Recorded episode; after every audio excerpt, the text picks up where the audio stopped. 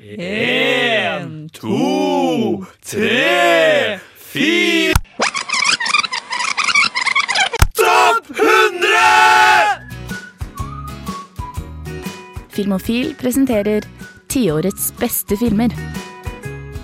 Velkommen eh, til nok en episode av Filmofils tiårspodkast, der vi kårer de beste filmene fra forrige tiår. Vi har nå kommet oss så langt som til plass nummer 49. Halvveis. Halvveis. Det begynner å nærme seg et eller annet nå. Og vi håper å jobbe oss ned til plass nummer 40 i løpet av lista. Eller i løpet av sendingen. Med meg i studio i dag så har jeg også uh, Jaran og Jenny. Det stemmer. Vi er her klare til å prate om film. Og mitt navn er August. Og ja, jeg, tror vi, jeg tror vi har et solid knippe filmer å prate om. Så det, er, det er mye god film å se frem til her, altså. På 49.-plass der finner vi en film jeg er utrolig glad for at det er så høyt som den er, eh, nemlig 'Søstre' av Hirokazu Koreeda. Og Koreeda er jo en Han er virkelig en sånn filmskaper jeg har fått øynene opp for dette tiåret. Det begynte vel faktisk med 'Søstre'. Um, den kom i Cannes i 2015 og fikk veldig gode anmeldelser der. Da den utpå høsten ble satt opp på norske kinoer, så var jeg sånn OK, dette var, det var årets film, det, gitt. Såpass, ja. ja, det var, det, var, det var litt sånn det ble. Og måtte Hele prosjektet til Korea dette tiåret har vært liksom, å, å, se på rare familiekonstellasjoner og utforske liksom hva, eh, hva familie egentlig er. Og eh, det toppa seg jo litt i hans forrige film, som vi vel kommer tilbake til senere. Mm. Men alle ingrediensene der er, er på en måte allerede der i 'Søstre'. da. Den tar for seg historien om en søskenflokk på i utgangspunktet tre søstre Derav tittelen 'Søstre'. Ja. Den er veldig beskrivende. um, men i hvert fall den, den uh, Vi møter disse der de bor alene i et svært gammelt En svær gammel liksom, trebolig i liksom, utkantstrøkene i et eller annet, en eller annen by i Japan. Um, en liten kystby. Og vi på en måte følger deres daglige gjøremål, og uh, noe av det første som skjer, er at de drar i sin fars begravelse. Han og moren har vært skilt i mange år, og de har egentlig aldri møtt den nye familien til sin far, inkludert deres halvsøster. Som på det tidspunktet er sånn 15 år gammel. Oppskrift for ordentlig klein forviklingskomedie der, merker jeg. ja, bare at de ikke gjør det. Nei. Så de, det, eneste som skjer, er at de sier sånn Hei, men eh, takk for at du tok vare på faren vår, på faren vår eh, mot slutten, liksom. Har du lyst til å komme og bo med oss? Og så, så, hun flytter inn da, som på en måte den eh, fjerde i søskenflokken deres. Og de tar seg av henne. da. Um, og det er, en, det er en skikkelig liksom, Det er ikke en stor film i den forstand at det er et veldig grandiost drama. Det er bare en enkel fortelling om nokså vanlige folk i en litt uvanlig situasjon som prøver å liksom finne ut av ting sammen. Mm. Mm -hmm. Og det er den er så utrolig uh, utrolig bare skjønn. Alle hovedpersonene er sånn damer jeg har Jeg får lyst til å henge med dem, liksom. og uh, jeg, husker, jeg, husker, da jeg så den, så var jeg sånn jeg må, jeg må få kommet meg til Japan og spist mat på et eller annet tidspunkt. For de oh, ja. lager så utrolig mye mat som ser sånn kjempegod ut. jeg har helt tiden lyst til å være med på middagene deres. Så jeg vet ikke um, på en måte Dramaet er aldri skrudd opp i, til noe høygir. Det er bare de som ja, som sagt, rolig prøver å finne ut av ting sammen. Mm. Vi skal jo prate mer om den eneste Koreda-filmen jeg har sett, som du sa antagelig litt senere. Mm. Uh, for jeg har ikke sett denne. Men uh, som du sier, uh, måte, det har vært veldig tydelig hva prosjektet hans ti år har vært. Mm. og jeg får også inntrykk av det hvis du sammenligner Shoplifters og Søstre. da. Men er han like på en måte, dyktig um, For de bor i et stort, gammelt hus. Mm. Et stort hus. Ikke et lite hus, uh, fordi jeg har bare sett han jobbe med småhus. Men er han på en måte like dyktig med å, å se på hvordan karakteren beveger seg i rom? For det syns jeg var utrolig fascinerende når jeg så filmen hans. Mm. Måte relasjonene mellom de uh, Hva skal vi si Jeg har lyst til å spare dette til Shoplifters-praten, ja, egentlig, men jeg bare ja. lurer litt på liksom, Er filmstilen hans like presis da, når det gjelder det å meditere på rom? Ja, jeg, jeg, vil, jeg vil, si det. Mm. Han er jo veldig veldig tydelig inspirert av eh, Yasujiro Osu. Ja. Eh, Tokyo Story. Kjente japanske eh, mesteren som lagde veldig sånn lavmælte familiedramaer på 50-60-tallet. Mm. Eh, mest kjent kanskje for Tokyo Story, som ja, har ligget på Sight and Sound sin topp ti-liste veldig lenge. Um, den var vel, det var vel den som kom høyest på regissørlista til Sight and Sound, tror jeg. Ja, det tror jeg stemmer. Så uh, Oso er en veldig veldig høyt anerkjent eh, filmskaper.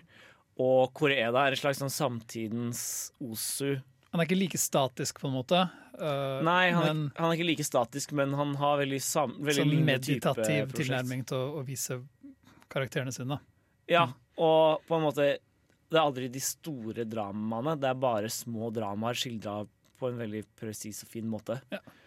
Um, og altså, dette, dette, huset blir på en måte nesten en karakter i seg selv. Uh, han, er, han, er, veldig god på det å på en måte Du har, du har veldig mange sånn uh, det de kaller for pillow shots. hvor på en måte alle karakterene har forlatt et rom, men kameraet fortsetter bare å være der litt før man går videre.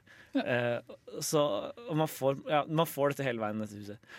Et, et annet, og den, har, og den har også noen sånne øyeblikk som bare er sånn fantastisk filmatiske, på et vis. For eksempel hun, eh, hun yngste uh, i søskenflokken, hun halvsøstera, uh, hun får seg noen venner i den lokale byen, og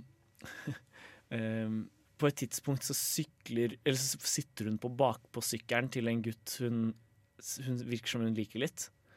Eh, mens, de kjører, eller mens de sykler nedover en, eh, en solfylt vei under kirsebærblomstringen. Å, det er kjempesøtt Så ser man på en måte Det fint ut. Det er, og så ser du på en måte hun eh, lener seg inntil han, eh, mens Uh, mens skyggene av kirsebærblomstene på en måte passerer over hodet hennes. Uh, det, det, var sånn, det var sånn utrolig bare Følelsen av å være forelsket, liksom fanget i et bilde. Ja.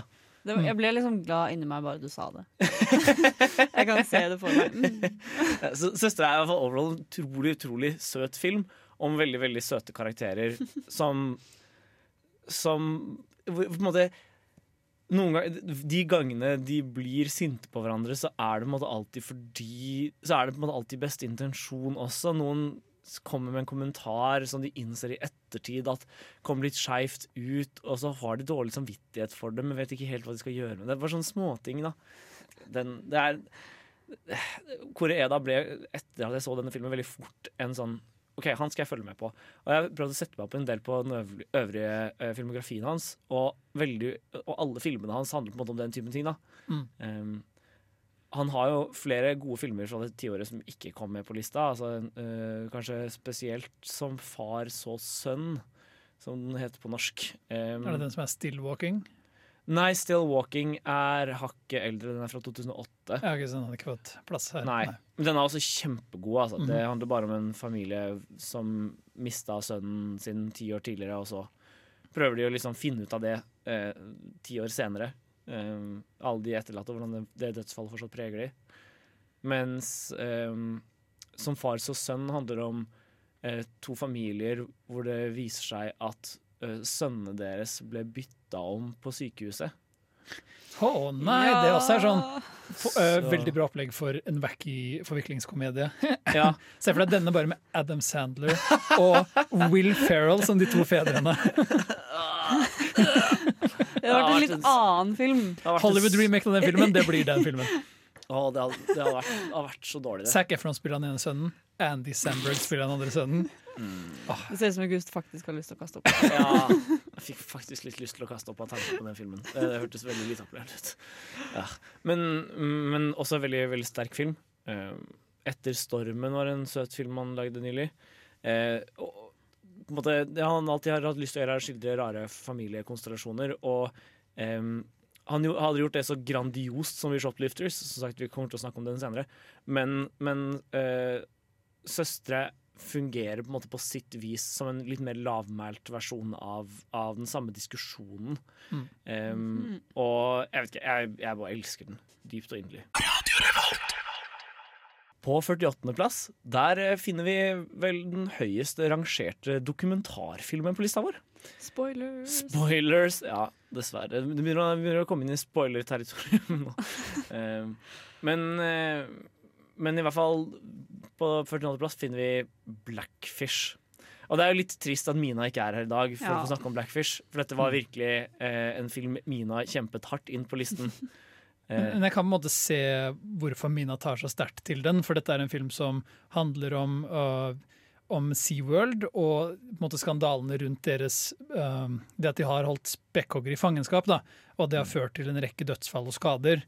Og så de er- har bare lagt skjul på det, og Ja. bla, bla, bla. bla. Og så er filmen på en måte Den handler om hva som har skjedd i SeaWorld, da, og, hva, og, og, og liksom det at det er ikke naturlig for spekkhoggere å være i fangenskap. Og filmen er veldig tydelig på spekkhoggernes side.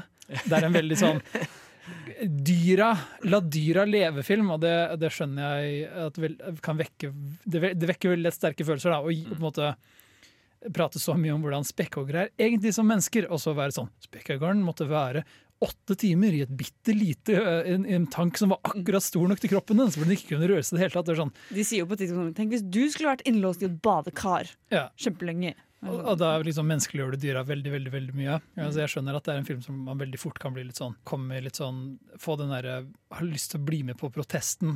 Man blir liksom litt sinna på den. Ja, du blir Nei, sånn sinna av den. SeaWorld, slutt, får du lyst til å si.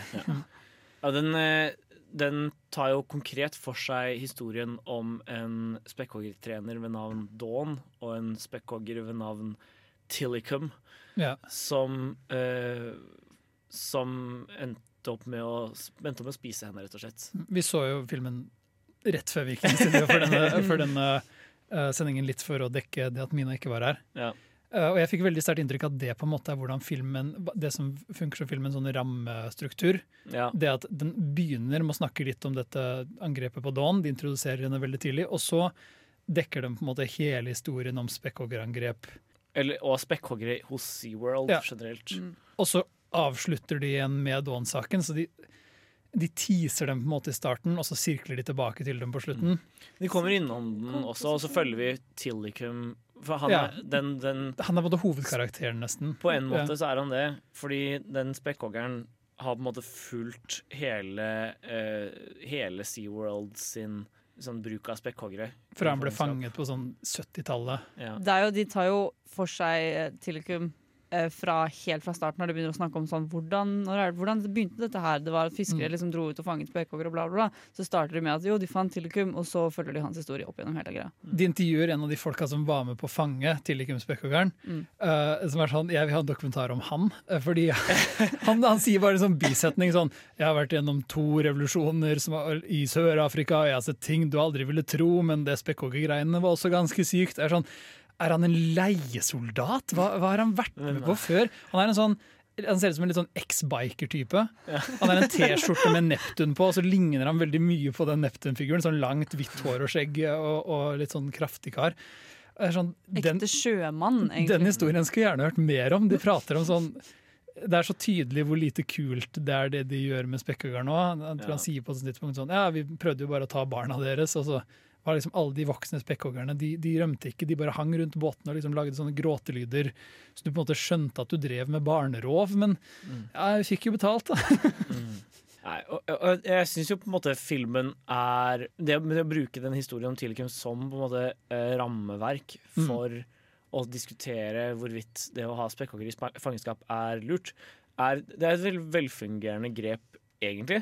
Ja. Det gir, det gir eh, en litt sånn rød tråd til en historie som, Eller til, en, til et konsept som ellers kunne blitt ganske uoversiktlig. Og jeg har, måte- jeg har ingenting negativt å si om denne dokumentaren, egentlig, annet enn at den kanskje ble litt sånn Den er litt formulaisk. Den grad ganske repetativ fordi den og det er egentlig uh, en styrke ved dokumentaren, er at den veldig tydelig kommuniserer det den har å si ganske tidlig. Mm. Og så måte sier den det på nytt og på nytt og på nytt. og på nytt, Mer eller mindre på samme måte. De er veldig gode på å hoppe mellom intervjuer med SeaWorld, tidligere SeaWorld-instruktører som hadde et forhold til hendelsene og spekkhoggerne. På en måte Få pratet med de, det er veldig, sånn, et veldig godt grep, for da får du på en måte sett det fra flere sider.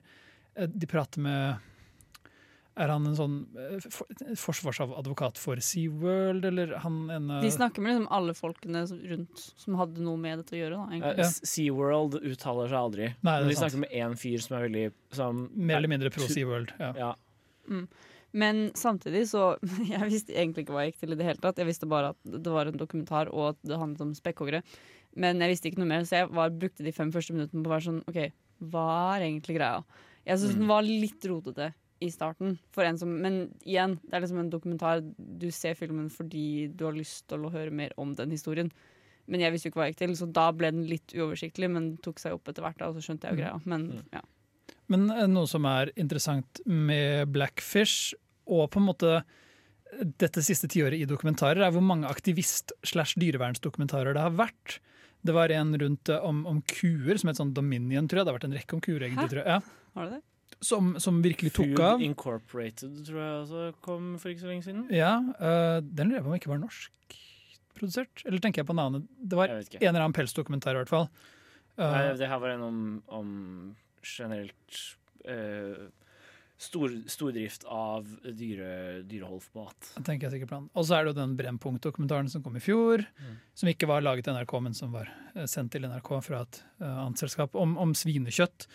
Eh, og det har på en måte jevnlig vært en del sånne ja, jeg vil kalle det aktivistdokumentarer, da, Mm. som um, prater om dyrevern, som prater om industri. Og, og det har vi sett mye, mye av dette tiåret, føler jeg. Og Blackfish var jo på en måte en av de dokumentarene som skapte en samtale.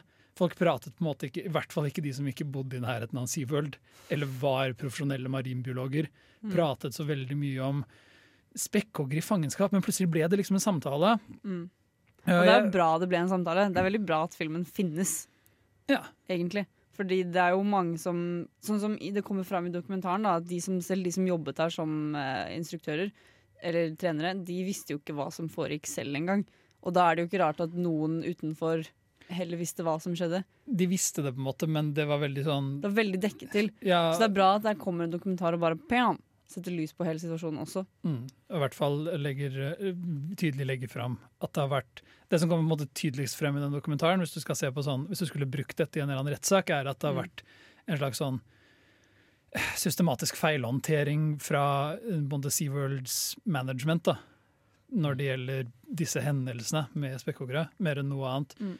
Og at det er de som er ansvarlige. Og på en måte spekkhoggerne er veldig Det blir veldig tydelig at de Spekkhoggere er ikke farlige, selv om de har vært ansvarlige for en del hendelser. Ifølge den dokumentaren. da. Mm. Det er noe med det å ha de i fangenskap som skal, og det å ha mennesker så tett på de hele tiden, som skaper veldig farlige situasjoner potensielt. da. Og det må jo sies denne filmen ble veldig mye sett. Det har vært en veldig viktig film også, Mm. på en måte eh, i den forstand at Jeg husker for eksempel eh, Screen Junkies, de som lager Honest Trailers. De hadde en sånn eh, kåring av eh, liksom diverse Eller de, de delte ut diverse filmpriser. Eh, blant annet Årets Villain 2013 og sånn. Hmm. Og den de kåra til årets, årets villain, var SeaWorld. Nice. ja. Zing, sier dere da. Så, så det var på en måte det var på en film som eh, Som favnet ganske bredt, og som mange endte opp med å se, og som etter all sannsynlighet fikk en del reelle konsekvenser. da En, jeg gjorde jo en rask googling på om det fikk konsekvenser, og dette er veldig vanskelig å bekrefte eller avkrefte, for det handler om billettsalget til SeaWorld, som er tall SeaWorld styrer. Men de skal visstnok ha hatt et uh, profittap uh, på, over åt- eller på rundt 80% siden 2013. Da. Mm. Så av en eller annen grunn, kanskje den dokumentaren, kanskje andre grunner Det var jo en rettssak eh, like før dokumentaren kom ut også, som omhandlet SeaWorld, Mm. hvor dommen var at de ikke fikk ha trener i vannet. Ja. Um, og så i 2016 så sa de vel at de skulle slutte med, med um, spekkhoggershow. Men det betyr ikke at de har sluppet spekkhoggerne fri, mest Men de bare sannsynlig har de der, liksom. for avling, da, som vi ser i dokumentaren nå for så vidt. At Ja. det er veldig Det å kunne avle spekkhoggere, det er en milliondollarindustri. Mm. Det Det er vanskelig å få tak i spekkhoggerskjed. ja, det var ganske weird å se de eh, runke en spekkhogger, ass. Ja, det er i denne filmen! Tiårets beste spekkhoggerrunkescene noensinne på film. Filmofil kårer tiårets beste dyreonaniscene. Førsteplass. Det er en setning jeg aldri trodde du skulle si. Ara. Blackfish. Nei. Ja, nei, det, det, det er Spekkhoggerstyle er i hvert fall big business. Um, og altså, de, ja, de, de kommer jo ikke til å bare gi fra seg disse dyrene gratis. Det er jo det det er, ikke, er ikke en god investering. Nei, Men det, det, er bra at man eh, begynner å gå bort fra den typen show. For, ja, jeg vet ikke. Man, man blir veldig sånn overbevist om det man allerede visste fra før, som er det at, Mm. si, eller det at dyr i fangenskap har det ikke så veldig kult. Og det er ikke det er ikke noe vits i å late som noe annet. Det er veldig lett å være enig med dokumentarer som Blackfish. Og på en måte Ja. se det veldig sånn Uavhengig av hvor god du er som film, så er jeg veldig enig med det du har å si. Mm. Ja. Forrige dokumentaren vi snakka om, 'The Act of Killing', var, er på en måte ikke sånn i det hele tatt. Nei, er, man er jo enig i at uh, Folkemord er kjipt, Ja, men men den, den er så utrolig spennende i måten den velger å se på et folkemord på at det blir noe helt annet. Det har vært gøy å se Black, eh, Blackfish-historien gjort på en sånn måte hvor du hadde bedt tidligere SeaWorld-ansatte sånn Kan ikke du være spekkhoggeren, og så skal vi gjenskape angrepsscenen? det hadde blitt så awkward. Her kommer jeg, jeg er en spekkhogger. Å nei, han har foten min! Hjelp!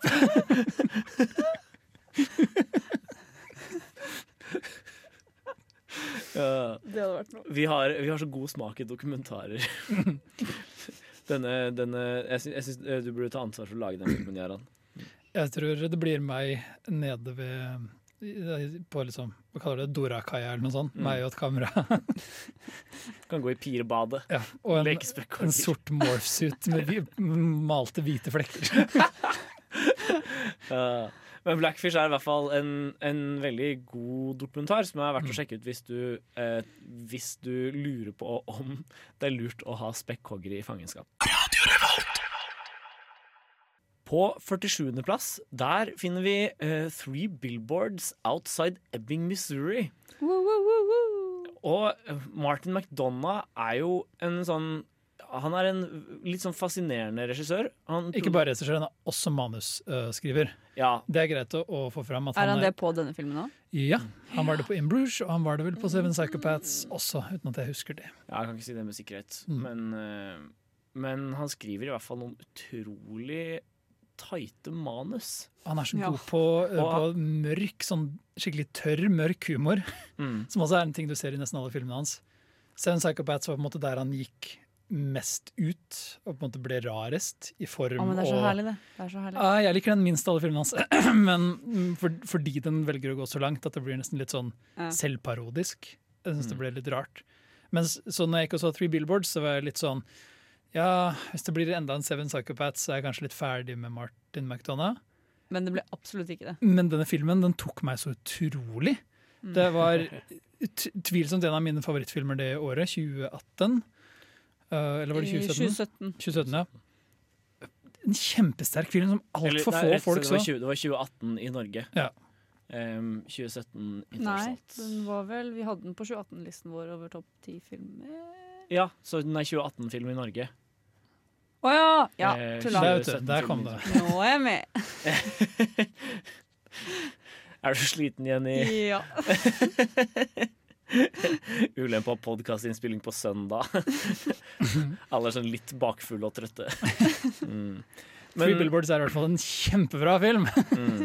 Som handler om uh, en mor, spilt av Frances uh, Nå glemte jeg hele navnet. McDormand. McDormand, der er det. Kone til Ethan, Ethan eller Joel Cohen. Jeg husker ikke hvem av de. Uh, hun har mistet datteren sin til en voldtekt og drap for mange mange år siden. Eller for et, et par år siden, i hvert fall. Mm. En stund siden, i hvert fall. mer enn ett år. Ja. Og uh, sheriffen, spilt av Woody Harroldson, han har på en måte aldri fått løst saken. Og hun har på en måte blitt, bare blitt bitrere og bitrere. Hun bor alene. De er liksom i en sånn såkalt flyover town, Ebbing, Missouri, en liten Mm. by som ikke får så mye turister. Altså, den er bare på kartet, skjønner du, bare et lite Ja. sted hvor alle kjenner alle. Uh, og hun, bare, hun bor på en måte litt utenfor byen og har bare sittet der og blitt bitrere og bitrere. Og bitrere. Og så kjører hun jevnlig forbi tre billboards, tre sånne eh, reklameplakater som står på rekke og rad langs uh, en, et veistrekk mellom vel- henne og byen. Ja, for det er på vei inn mot byen deres, så ser man liksom forsiden på disse Ja. plakatene. Og så, så De står på en måte der og blir ikke brukt, for det er den gamle hovedveien, ikke den nye hovedveien. Så hun får leid de for en liten uh, sl slant. Og setter opp tre store plakater som er sånn Jeg husker ikke helt hva det står, men det er noe med sånn enda Jeg har enda ikke fått rettferdighet for datteren min. Og så Hvorfor ikke det? Sheriff. Og så nevner det uh, byens sheriff med navn. Og det er veldig ukult. Mange i den byen er veldig glad i sheriffen og blir på en måte litt sinte på henne. Sheriffen syns også ikke det er så utrolig kult.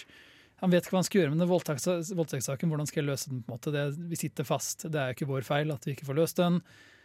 Um, og det er på en måte hovedkonflikten i filmen, men den eskalerer så utrolig godt derfra til å bringe inn de andre karakterene i byen. Sam Rockwell spiller en sånn ganske usympatisk og litt enkel uh, redneck-fyr som uh, drømmer om å være politimann. Men han er jo også politimann. Han er politimann, men har, du merker at han er en veldig sånn Han fetisjiserer skiltet og autoriteten litt. Ja. Uh, og han er ikke så veldig, veldig sympatisk. Men han blir på en måte en av de folka som jevnlig lager trøbbel for Frances McDormands karakter. da. Mm. Og så har du den Nå, Jeg prøver å huske hva flott Det er så mange karakterer som kommer inn, men det kommer inn en ny Lucas Hedges ja. spiller sønnen hennes. Mm. Eh, jeg blir alltid glad når jeg ser eh, Moonrise Kingdom-barna gjøre nye ting. Eh, Lucas Hedges har på en måte virkelig fått gjøre nye ting dette tiåret. Han har virkelig hatt et solid tiår. Mm. Uh, så han er, han er en skuespiller det er spennende å følge med på fremover også. Uh, han, han, er kjempegod i denne også. Mm, men det kommer inn en annen politimann utenfra staten.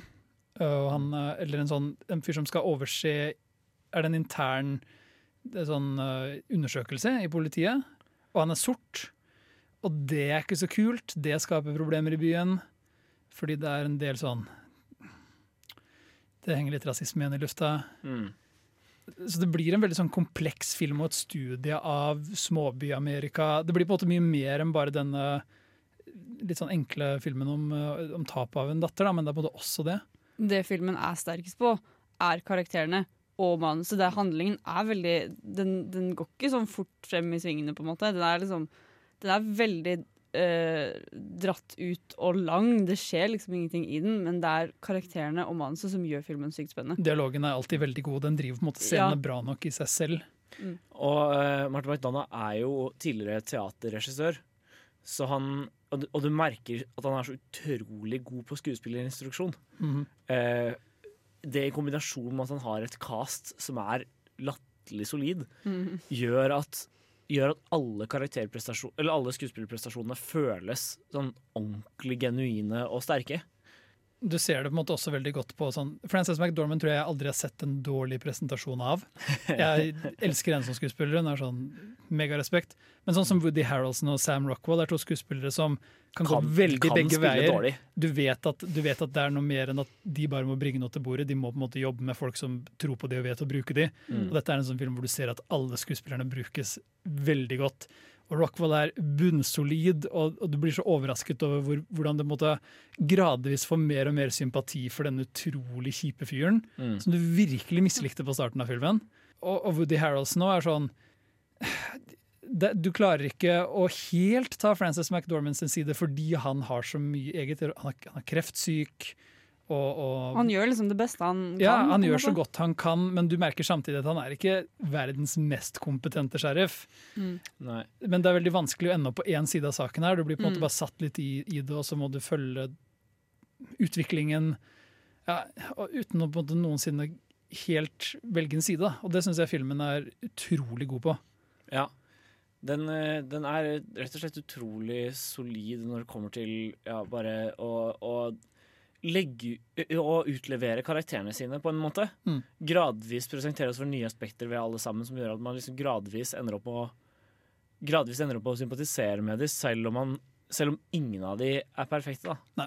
Og så får du litt ekstra sympati for Frances McDormand, fordi jo mer og mer frustrert og bitter hun er, og jo mer hun utagerer, Istedenfor at folk på en måte samler seg rundt henne og sier sånn ja, vi må støtte denne sørgende moren. Så er så begynner, bare lei av henne? Ja, Tannlegen hennes blitt sånn jeg vet ikke helt om du kan komme her og, og, og, og få tennene dine fikset lenger, for jeg fikser tennene til sheriffen også, liksom. Mm. Uh, masse sånn små Bare sånn småbytull. Mm. Men, men, det er masse godt, godt drama der, for det, er, det handler om at alle deler alle relasjonene til enhver tid. Det er også uh, moren til Sam Rockwell. Jeg spilt av hun som spiller moren til Mac på Always Sunny in Philadelphia. Og jeg elsker hver gang hun er med i en film. Hun er perfekt å spille sånn trailer trash-mødre. hun har Jeg blir alltid så glad når jeg ser henne. Jeg er så glad for at hun har, liksom tar seg av den typecastingen. det er noen sånne folk som er så, er så latterlig typecasta at liksom de, de, på en måte blir en rolle på tvers av filmer. De blir, ja. den, de blir stereotypen de er ment å representere. Det er litt fascinerende. Men Three Billboards er i hvert fall generelt en utrolig, utrolig solid film. Eh, som på en måte den er, sterk, den, er, den er bare sterk i alt den gjør. Mm. Det, det er på en måte Martin McDonagh, hvis du følger karrieren hans litt, fra In Bruges, som måtte er en ganske god sånn øhm, Til en viss grad thriller, men mer en sånn magisk realisme, um, mørk komedie. Mm. Den, den, særlig mot slutten så går den litt over stupet, og du er litt sånn Dette begynner å bli til en viss grad latterlig, men det er også veldig mørkt, for det handler om Mm. død. Og så har du Seven Psychopaths, som er mye mer fargefull og nesten, nesten campy. Uh, og så får du Three Billboards, som er en, et mye mer sånn grounded og, og Og litt mer alvorlig òg. Ja, det er den eneste av de som ikke er liksom mors, prø prøver å være morsom på noen punkt. Det er god humor i klart filmen. Ja, ja, men det er ikke på samme måte som In Bruges og i Seven Psychopaths. uh, Den blunker mye mindre til kamera, de to andre filmene hans. Mm. Ja. Men det er bare, bare de tre filmene alene er en veldig solid filmografi for en forholdsvis ny regissør som også er manusforfatter. ja, ja. Han har en karriere som jeg gled, virkelig gleder meg til å se hva, altså hva han gjør videre.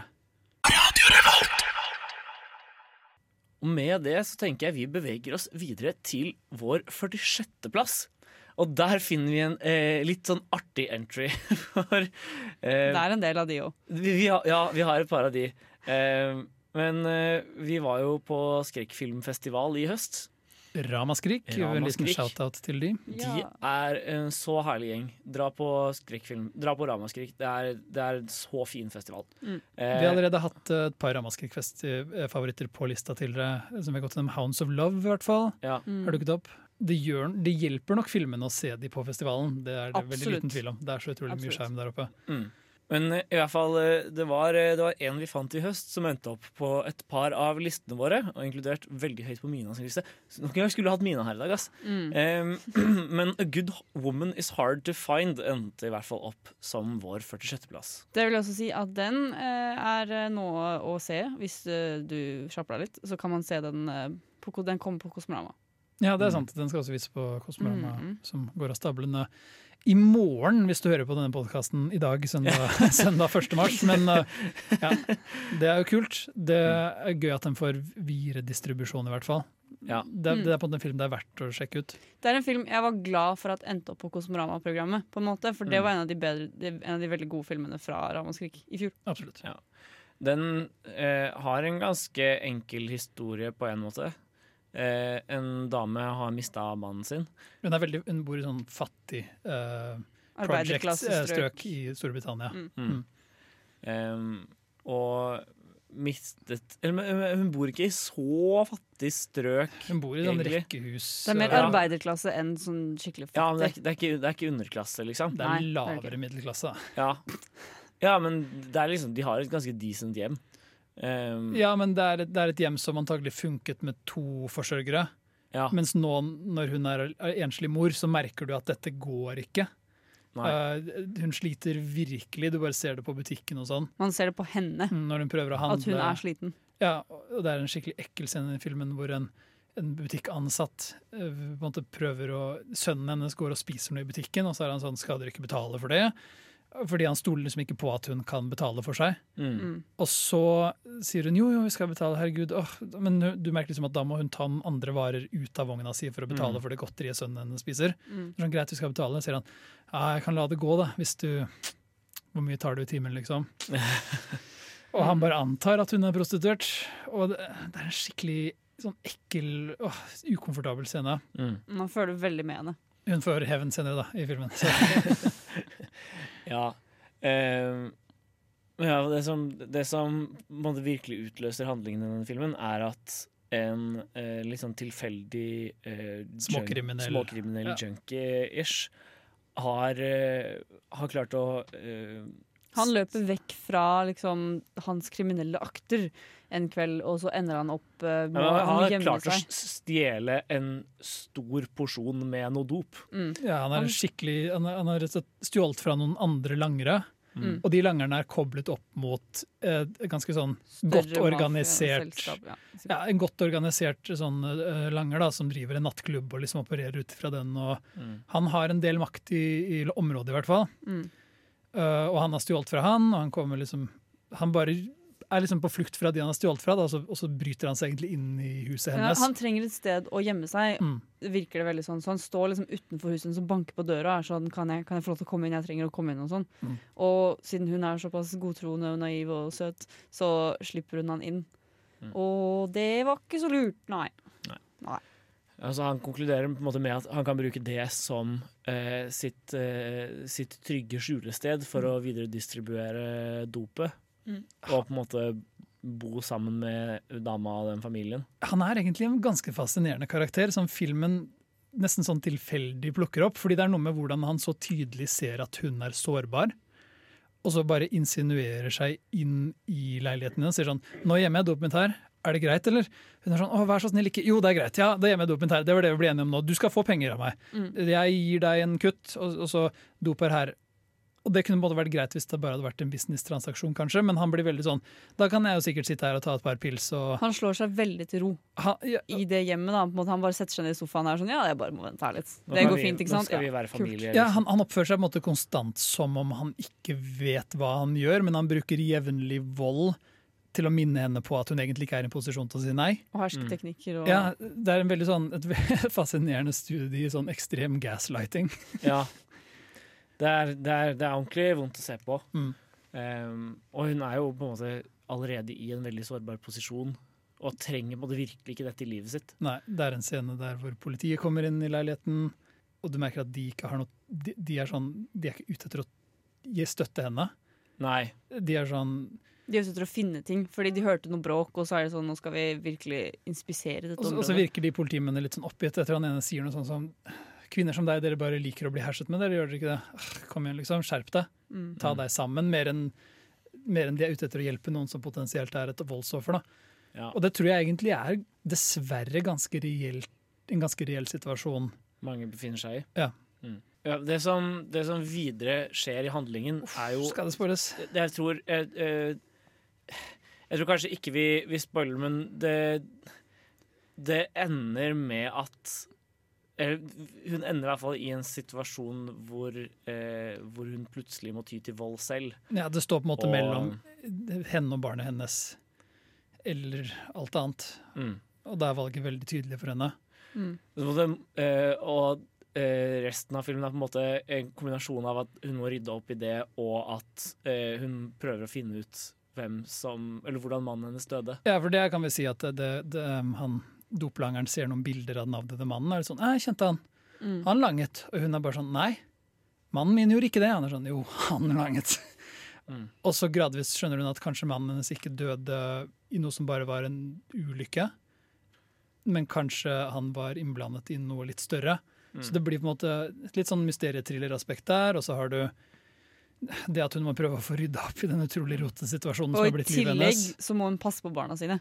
Ja. Fordi det skal sies at sønnen hennes er liksom Han snakker ikke fordi han har gjennomgått noe så traumatiserende. Han var der når faren døde. Ja, Han så faren døde. Han så det, liksom. Så han er skikkelig Hun vil jo ikke utsette han for noe mer, på en måte. Så hun må deale med å både skjule alt for barna, skjule alt for politiet og alle de som liksom snoker rundt henne og ikke er trygge på henne. Og hun må også deale med seg selv. egentlig. Det er en veldig bra karakterutvikling i filmen også. For Mm. hun starter jo med å være skikkelig, skikkelig liksom naiv, og man syns synd på henne. At hun klarer jo ingenting. og Man får skikkelig vondt av henne, da. Og så bygger hun seg opp og er sånn Nei, vet du hva, noe må faktisk gjøres her. Og her er det verdt å nevne at det er et veldig bra skuespiller, en veldig god skuespillerpresentasjon som står i sentrum. Um, vi pratet tidligere om The Babadook på denne lista. Og jeg har lyst til å sammenligne de to presentasjonene bitte litt. Begge to har den derre 'å, sliten, sårbar, dette funker ikke helt'. Begge to de store posene under øynene, det er litt sånn lettere fettete, uvaska håret. Ser ut som du er midt i eksamensperioden, på en måte, looken, gjennom veldig store deler av filmen. Eh, og så, opp til i hvert fall midtpunktet av filmen, eller godt ut i andre akt, Mm. så føles det nesten som vi er i en litt sånn høynet sosialrealisme-område. Ja. Mm. Og det som gjør at jeg tok så sterkt til filmen, uten å spoile er det kjempevanskelig å si egentlig, men det er hvordan den nesten bytter sjanger i siste akt. ja. Jeg elsket det så utrolig mye. Den ble en sånn blek hevntriller. Uh, med sånn Hvis noen av dere har sett 'Bring Me The Head of Alfredo Garcia', som er en Sam Peckinpah-film fra sånn 70-tallet. Men den, had, den, fikk en sånn vibb over seg. Uh, og så var det noe med hvordan den plutselig det var sånn, Den ble filmet på en helt annen måte. Den siste sekvensen som er i, dette, i denne baren, har sånn Niklas Winding Refn-estetikk med masse ja, ja. sånn sterke neonlys, og, og hun har bare virkelig hun kommer til et punkt hvor det er sånn, enten så gjør jeg dette 100% eller så gjør jeg dette, dette ikke i det hele tatt. Mm. Og da merker du på en måte at noe endrer seg i henne. Mm. Jeg syns det var kjempekult. Og der når filmen er ferdig, så har du egentlig bare lyst til å se mer. Moralen til filmen er på en måte uh, Noen ganger så må du bare være en bitch. Det tror jeg moren hennes sier i en scene ja. til henne. De prater sammen. Sometimes you gotta be a bit of a bitch. Da, og det er fair. Av og til så må du det. Ja, og, og du merker at Eller og, og, og, du på en måte står som med henne i det. Mm. mm. Noen ganger så må du bare, noen ganger så må du bare være, være, være litt bitch, og det, det Og verden kommer til å like deg bedre for det. Mm. Rett og slett. Mm. På 45.-plass på lista der finner vi noe eh, Da, da beveger vi oss over til et veldig annet sjangerterritorium enn A Good Woman Is Hard to Find. Der har vi nemlig Christopher Nolans Interstellar. Veldig annerledes, altså. Ja, den er litt mer speisa. Verdensrommet. Men, eh, det, skal, det, det må sies om denne filmen. Eh, den har noen av de beste bildene av verdensrommet jeg har sett. Med tanke på at nesten ingen av bildene av verdensrommet på film faktisk er egentlig bilder av verdensrommet. Er dette faktisk bilder fra verdensrommet? Nei, men det, så blir man jevnlig imponert over hvor fint verdensrommet ser ut på film. Mm. Jeg, jeg, tror nesten verdensrommet er finere på film enn det er på ekte. Det tror jeg også. Mm.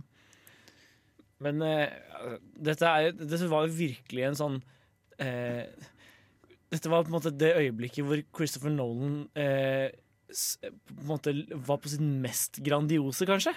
Ja. Det virker veldig sånn fra filmen, i hvert fall. Mm. Og, og, um, det var altså helt rett trekk for han for å kaste av seg nære, det var han som lagde Batman-filmen-greia. Det var så utrolig sånn bra karrieretrekk. og bare sånn, Jeg skal lage et skikkelig operatisk sånn sci-fi-drama om Matthew McConaughey og verdensrommet og familie. Og, og, bare sånn, jeg skal lage noe, jeg skal lage noe skikkelig stort. Ja. Kjærlighet. Kjærlighet er den ene tingen mm. som uh, krysser tid og rom. ja. Uh, for altså, konseptet her er jo at uh, at menneskeheten er i ferd med å måtte gradvis eh, miste tak om, om, jorda. Sakte til helvete. Ja. Så vi trenger en annen løsning, egentlig. Mm. Man har noen sånne plantesykdommer som begynner å, eh, begynner å drepe alle avlingene. Eh, og det blir vanskeligere og vanskeligere å fø en befolkning, og med det også vanskeligere og vanskeligere å drive, drive noe, noen som helst form for måte, mm. forskning og ekspansjon. da. Åpningssekvensene som etablerer dette, er på en måte de svakeste bitene av skriptet, spør du meg, mm. uh, i filmen. Jeg husker det så veldig godt, for de er veldig sånn on the nose. For det, jeg tror det er sånn for Matthew McConney er en tidligere NASA-ingeniør. Uh, sånn testpilot. Ja, testpilot er det. Som måtte Vi lagde ikke fly og romskip lenger, så det var ikke noe vits. Så han har blitt uh, bonde i stedet. Og så mm. prater de med læreren til den yngste datteren hans, um, som er oppkalt etter den, den, loven. Alt som skal skje, alt som kan skje, vil skje. Hva heter den? Murphys lov. Murphy, Hun heter Murphy. Eller uh, het Murph. Murph. Mm. Ja, I hvert fall oppkalt etter den loven. og, og, og, så prater de liksom om at sånn det beste barna dine kan gjøre, er å gå på landbruksskole og bli bønder. De, vi har ikke plass til flere ingeniører! Vi trenger ikke vitenskapsfolk! Vi trenger bønder! Og det er sånn, De slår deg så utrolig hardt over hodet med liksom hvor jorda er gått. Og senere så sier McConney noe sånt som sånn, Vi pleide å se opp på stjernene, men nå ser vi bare ned i, i skitten, liksom. Mm. Alle de scenene er så utrolig sånn vi må bare etablere hvor verden er akkurat nå, og hva før, karakteren før vår står opp mot. Hvor, før undret vi over vår, uh, vår plass mm. blant stjernene, mens nå uh, er vi bare opptatt av vår plass i dritten, ja. eller noe sånt. Men til tross for at det kanskje på en måte er litt sånn at de tvinger det litt ned i halsen på deg, så er det en veldig sånn interessant fremtidsskildring, noe som føles som mm. kanskje vi egentlig er litt på vei dit. Bitte litt. Vi er overbefolket, så vi har mindre og mindre mat, og GMO skaper bare mer resistente parasitter etc. etc. Det er liksom, man kan se for seg at det kanskje går dit hen. Mm. Det er på en måte ikke en helt, helt far-fetched fremtidsvisjon. Jeg har sett rarere sci-fi-tolkninger. tenkte jeg.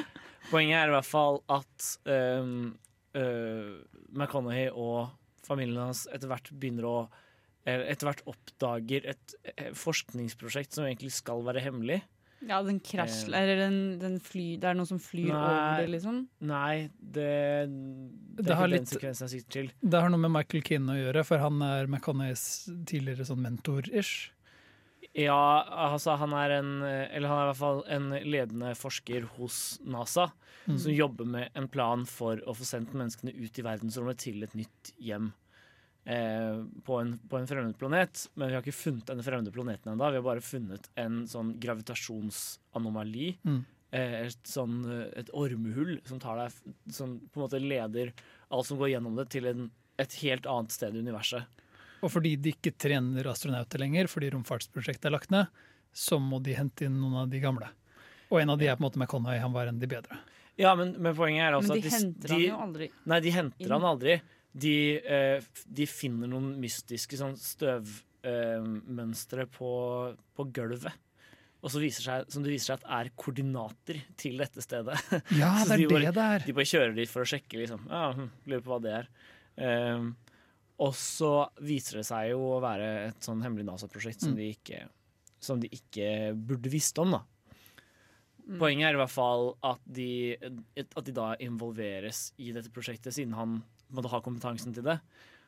Um, og man har sendt ut uh, prober tidligere. Man sendte ut på en måte bemannede ferder til sånn ni planeter eller noe sånt i dette fremmede univers, eller i dette fremmede solsystemet. Og tre av de virker på en måte lovende nok, basert på de dataene man har eh, tilgjengelig. Mm, Men de har mistet forbindelsen med den ekspedisjonen som dro ut tidligere. Ja. Var han uh, Mann, han uh, Heter han Michael Mann, eller blander jeg det med regissør Michael Mann nå? Eh, Eh, Han refererer seg stort sett til som Dr. Man. Dr. Mann. Det er jo et skikkelig slående navn. Ja. Men eh, i hvert fall han eh, Hva skal jeg si, da? De, de reiser ut i et romskip eh, for å kartlegge de tre planetene som har på en måte lovende nok um, Lovende nok eh, data med tanke, Mm. på, med tanke på liv. Um, og Da må det her filmen virkelig Du merker at det er dette filmen er. Ja. Det er denne romferden som er sånn som de bare er super Mm. Filmen er så utrolig velrealisert. Og jeg, jeg, jeg kan ikke så mye sånn teknobabbel, men når de prater om bare hvordan de har bygd romskip, og du liksom ser hvordan det funker, og de begynner å prate om gravitasjonsbølger og alt det der, så er jeg sånn vet du, jeg, jeg føler at jeg klarer å følge det, jeg er med, jeg kan kjøpe dette. Det går på en måte greit.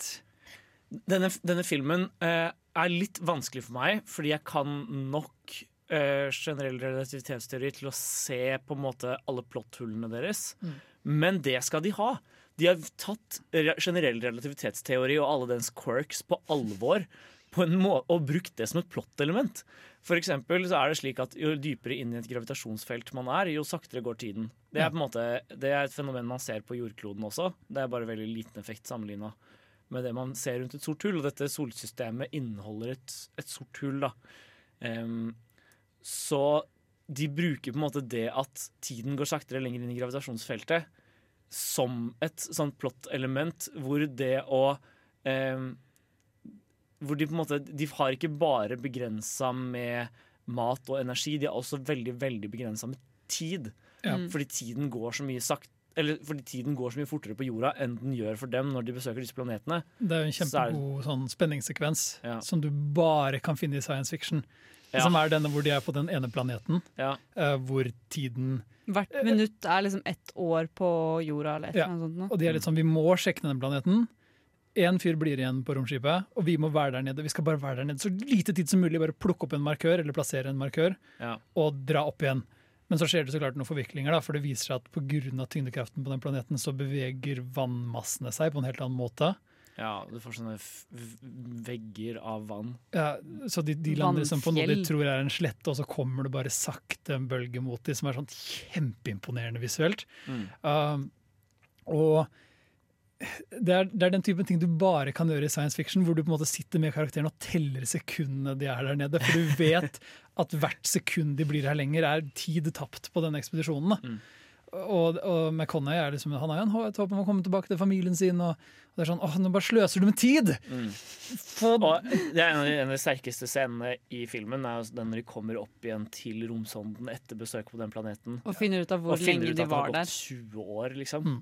Og han begynner Da- å se sånne uh, me meldinger fra datteren sin som hun har sendt. Opp gjennom årene. årene. Du ser hun er- vokser opp og blir en kvinne, og liksom at hun får en karriere inn i NASA. og at hun liksom Sakte, men sikkert blir mer og mer bitter over faren som ikke har svart på disse meldingene. Og ja. Mm, det var det, det, da, da blir jeg skikkelig på gråten. Mm. Men eh, i hvert fall de, de på en måte Premisset for filmen er at de på en måte beveger seg fra planet til planet og prøver liksom Prøver å, å finne ut om de dataene er så pålitelige som de kan Som de på en måte later til å være. Mm. Du sa at ditt største problem med filmen var første akt. Ja. For meg er hovedproblemet med filmen eh, siste akten. Jeg føler vi måtte, Dette er en så mye sett film at vi nesten må kunne spoile den litt. Jeg er enig der at den er lovspurt. Eh, så en mild spoiler alert her for slutten av Interstellar. Eh, for det viser seg jo på en måte at For det første, da, etter at de har kommet tilbake fra denne vannplaneten, så drar de ned til, eh, til Matt Damon, Ja. som har landa på en eh, planet som er ugjestmild for liv. Bare en rask sånn for å recappe enda mer. De har to planeter igjen å utforske. Ja. Ikke så mye ressurser, så de velger å splitte seg opp. For Anne Hathaway også på denne romfergen. Mm. Hun drar til den ene planeten. Nei, nei, de splitter seg ikke opp. Nei, hun blir igjen, ja. Nei, nei, De drar alle til den planeten. planeten. ja, ok, Hva er det jeg tenker på da? Fordi greia er at han, eh, Matt Damon har jo vært der Så han har vært der en stund. Det er Så Dr. de Man, da, i vil, hvert fall. de vil mm, møte han og hente hans data, for de tenker at eh, han har bidratt nok til at de kan få Mer enn, hente informasjon mer enn fra det, ham. han har sendt ut et signal som egentlig bekrefter at denne planeten er brukbar. Mm. Men det er også siste kommunikasjon de fikk fra han, i hvert fall. ja. Så det er derfor de gjør det valget. For de er sånn OK, Anne Hathaway ser opp til Dr. Man og stoler på dataene hans. Og det er sånn McConaughey er litt sånn mm, Det er siste transmission, da. Nei, nei. Det er motsatt. Ja. McConaughey er skikkelig gira på å dra dit fordi dataene er så lovende. Ja. Men Anne Hathaway sin karakter eh, har lyst til å dra til den andre planeten okay. fordi hun hadde et romantisk forhold til den mannen som dro dit. Ja, sånn er det. Nå vet du, Det er så lenge siden jeg har sett intervjuet. Jeg så den jeg sånn, sånn tre ganger de, det, rundt tiden han kom ut. Mm. Altså, jeg har ikke sett den siden da. Nei, vi har vel sett den Jeg har sett den tre ganger, jeg også. Mm. Um, eh, en gang på kino, og en gang eh, etterpå. eh, på, på stort lerret, og en gang hjemme med familien. Ja. Så jeg på en måte, spredd. Jeg føler jeg kan, jeg kan denne filmen ganske godt nå. Ja. Det er litt deilig. Jeg slår dere alle jeg så den i fysikktimen på videregående. På en litt sånn liten skjerm på, på, på bak kateteret. Ja. Pratet dere om hvordan det sorte hullet var, og hvordan tyngdekraft funket og sånn? Nei, det var bare noen som var sånn Kan ikke vi se Interstellar? Og de alle de andre får se på film. Og så var fysikklæreren sånn «Ah, Ja, det kan vi godt gjøre. Så da gjør vi det. Men ja, Jeg syns så synd på dere som var en fysikklærer som pratet sånn. ja, men han var fransk, da. Uansett, det er ikke poenget. Men uh, i hvert fall så er det sånn Interstellar er en film jeg alltid gråter av. Jeg gråter hver eneste gang. Men jeg hadde i hvert fall et poeng jeg var på vei til her. Og det er at denne Dr. Man viser seg å ha Være eh, Matt Damon. eh, viser seg å være Matt Damon, og viser seg å ha sendt eh, Eller å ha forfalsket data for at noen skal komme og plukke han opp igjen, fordi han innser at planeten hans er øde, og at han kommer til å dø der alene. Så han har puttet seg selv i en slags sånn uh, cryosleep, uh, kryosøvn, en eller annen sånn uh, et kammer hvor du bare ligger i dvale, til noen aktiverer deg. Og så er håpet hans måtte komme seg bort fra planeten, men han, han, han nekter å innrømme at han har forfalsket dataene. Han er litt sånn 'ja, kom igjen, McConnell, jeg skal vise deg de lovende funnene mine'. De er rett over denne kammen. Istedenfor å bare si 'sorry, gutta, jeg løy, kan vi dra'? Ja. Så han tar med McConnell ut på dette. Det det er sånn, nesten et isøde. Mm. Som en diger Som er skikkelig flott. Ja, utrolig. Og Kjempeflott. Roger Dickens har cinematografi på denne, ja? Eller er det som uh, er funnet på noe nå? Nei, jeg tror ikke det. Det er i hvert fall en nydelig cinematografi. Det, den er så pen! Hallo i luken, så pen film er. um, men men eh, den karakteren Dr. Man han ender i hvert fall opp med å ødelegge, ødelegge for alle. Mm. Um, og det er det er, det er en så irriterende sekvens. Jeg hater den karakteren så mye. Han er bare der for å skape kvalm, og, og det, det, gir, det gir meg så lite i filmen.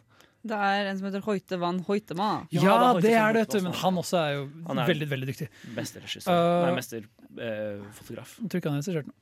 Nei. Men ja, fordi det er en av de vanligste kritikkene jeg får uh, høre, er to ting. Det er den aller siste sekvensen hvor han er inne i denne tesserakten. ja. Og så er det Doktor Mann var skikkelig teit. Hvorfor skjønte han ikke at, at den trykkapselen kom til å sprenge når han ikke hadde koblet den riktig? Han klarte ikke å styre den manuelt. Han er en vitenskapsmann, han burde skjønt det. Det er litt av poenget med karakteren. Å vise på en måte hvor feilbarlige disse menneskene er. Og det handler om hvor lett det er å, å lage et sånn idol av noen. Det er hele poenget med karakteren til Dr. Mann. Det er sånn, ja, han er der for at du skal bli frustrert og bli litt desillusjonert og miste litt håpet. Og det, det at han er Matt Damon, er sånn, kanskje ikke det kuleste castingvalget, men For det tar deg veldig ut av filmen når han spretter opp av den boksen som så litt sånn trolleske. men, men jeg syns det funker ganske bra, og jeg, og jeg tydelig, og filmen kommuniserer det så godt. og det er sånn, Jeg er glad for at du ble irritert, for det er akkurat det filmen prøver å få deg til å bli.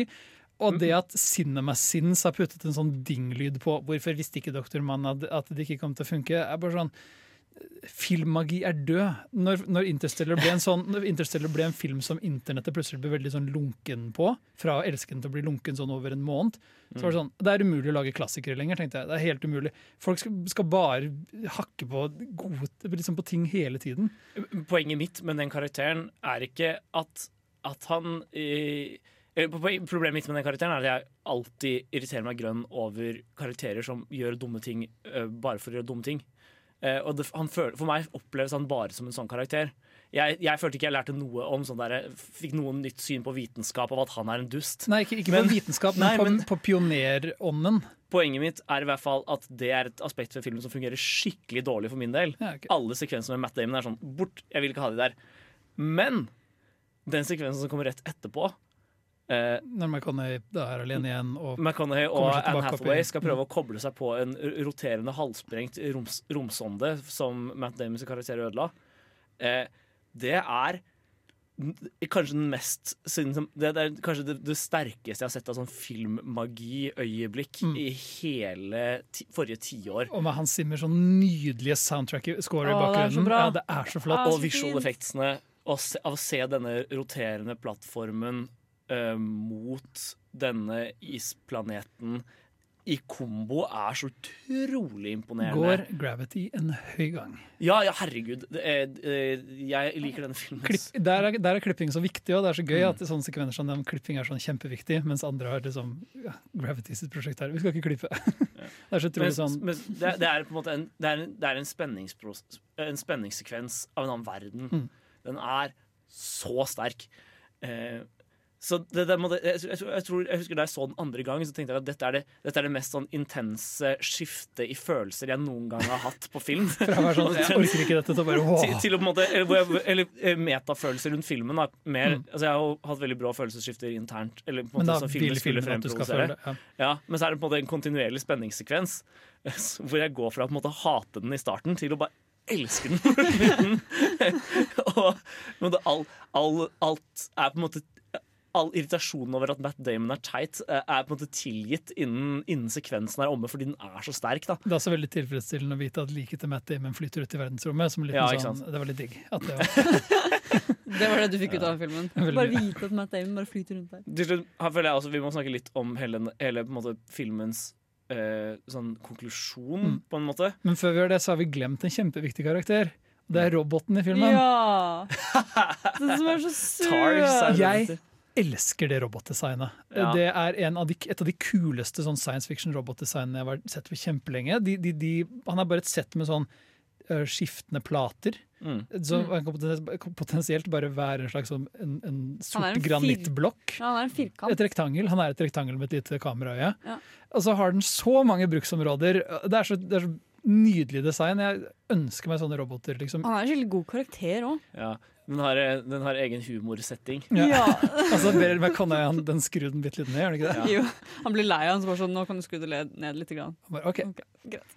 Jeg, jeg synes den roboten uh, Det er bare en av de tingene som gjør at dette sci-fi-universet er så Interstellar sitt sci-fi-aspekt Ja. er så tilfredsstillende. Mm. Du er litt der med at ja, kanskje vi kunne kommet oss dit som menneske, liksom som menneskeheten kan kanskje Det føles litt oppnåelig. Og alle, men alle designene og sånn er så smarte og så godt laget, og, og det er all den bruken av praktiske effekter. Den, de lagde den roboten. Mm. Altså, den, den er ikke en fungerende AI, men de lagde denne roboten og opererte den på filmsettet. Ja. Og, og, den har så åh, Jeg blir så Jeg får så mye sånn jeg får sånn fremtidshåp. Den gir meg den gode sci-fi-følelsen av å se på Interstellar. Den derre Jeg er med på at fremtiden går videre. Jeg er så klar for det. Jeg får den Star Trek-følelsen av Interstellar. Den derre jeg, jeg er klar for å leve i fremtiden som de, de setter opp her. Mm. Og det, det er noe av det jeg liker best med sci-fi. Håpefull sci-fi. Fordi eh, denne inneholder noe av det jeg liker veldig, veldig godt i sci-fi, som er det å bruke på en måte eh, vitenskap kreativt til, til, å, til å Mm. lage plott Eller til å lage spennende plottoppsett. Det syns jeg, det synes jeg den gjør veldig, veldig spennende. Og, og den har utrolig sterke, sterk visualitet. Men den har også en sci-fi-trope som jeg misliker ganske sterkt. Og det er en slags sånn ubersentimentalisering av universet. Det, er, det føles litt sånn Spielbergsk. Dette er kanskje Ja. Nolans mest Spielbergete film. I hvert fall den sluttsekvensen føles veldig veldig Spielbergesk. Eller egentlig Mm. mer Robert Zemeckis-ete. Den Ja. føles som Contact. Men og Contact er også en film jeg har veldig sterke innvendinger mot. men Contact er også en film som bruker uh, uh, Som er litt sånn Interstellar-aktig i det at den bruker vitenskap veldig sentralt som plottelement, Ja. og så blir det kjempesterkt sentimentalt på slutten. ja, altså, de, de, de, de har et veldig interessant oppsett hvor på en måte vitenskapen står i sentrum hele veien. Og så på, på slutten så skal de måtte sette mennesket i sentrum av tilværelsen igjen. Jo, Og måten de gjør det på, treffer alltid meg feil. Fordi jeg, fordi jeg, jeg syns det blir så rart å skulle ha begge deler, da. både, både i Contact, og, som også er en film med Matthew McConney, Ja. og Interstellar, så er jeg på en måte veldig pro det. Det er ikke alltid jeg liker det, men, men jeg er litt sånn hva, hva, hva annet vil du ha av filmen, på en måte? Eh, Og jeg får en veldig sånn Dette funker så godt fordi det sier noe om menneskets fremtidige utvikling også. Og det legger på en måte inn et slags innlegg i en debatt om Hva vil du kalle det? Eh, En slags sånn eh, fornuft over følelser-debatt. Som på en måte foreslår at hvorfor kan ikke følelser og fornuft være det samme? Uh, som jeg syns er veldig gøyal. Jeg tror bare det at det å på en måte skulle sette menneskelige følelser som uh, det mest grunnleggende i tilværelsen, er et dårlig vitenskap. Det, det er ikke det mest grunnleggende i tilværelsen for Interstellar sitt. Jo, Men la, men, la, men la, oss skildre, det- la oss ta hele sekvensen.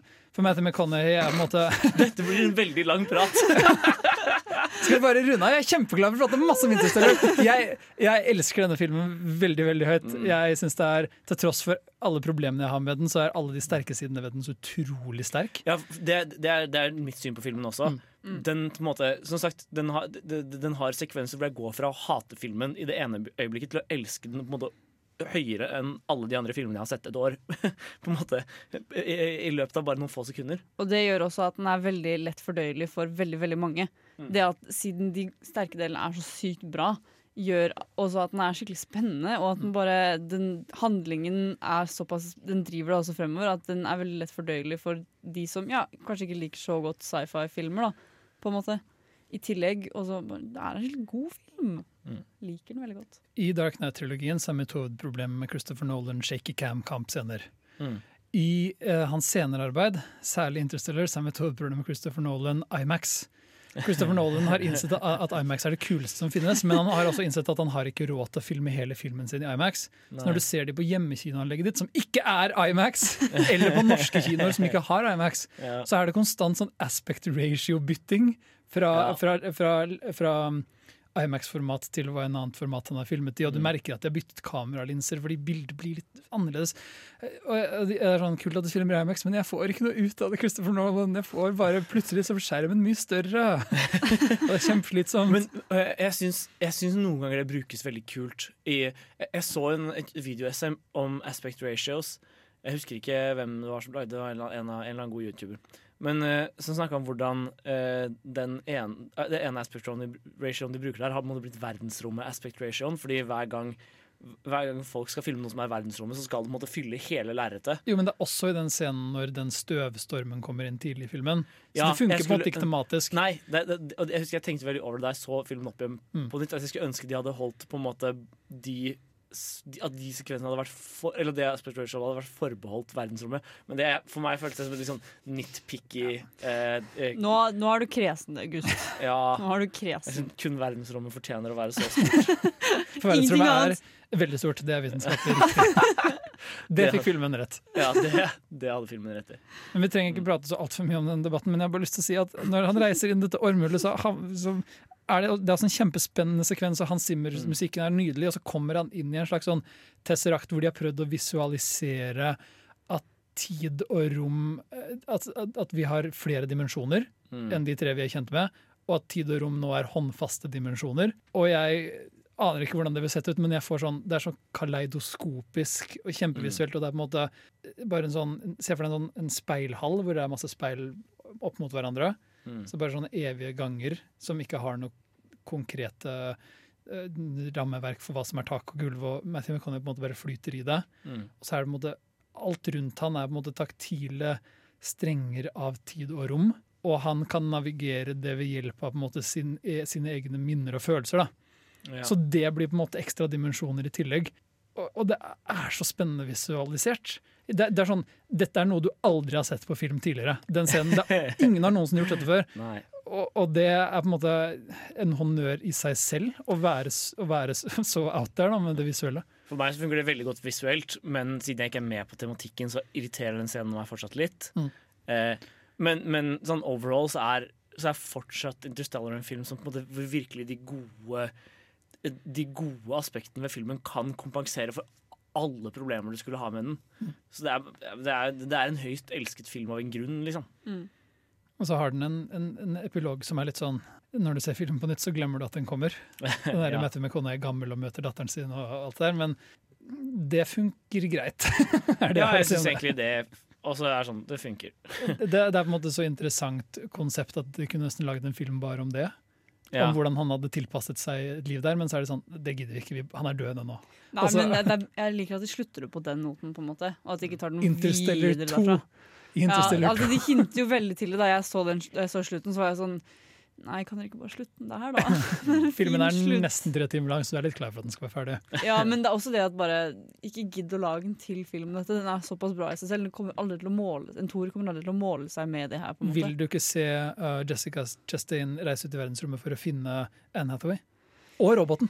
Nei, det er Nei, Jessica Chastain som har blitt gammel. Å ja, det er det! Matthew McConnaughey er ung! Han skal reise ut. Ja. Åh, det er Jessica Chastain som er gammel, men hun bygde i hvert fall kolonien, så det gikk bra til slutt. Ja. Håpefull sci-fi. Vi trenger, vi trenger mer av det, kanskje nå enn Mm. mer enn noensinne. Jeg tror det, jeg også. Ja. På plass 44 finner vi nok en gang en eh, veldig tydelig sjangerfilm, men i et veldig, veldig annet leie. Der har vi nemlig Edgar Wrights Baby Driver. Ja.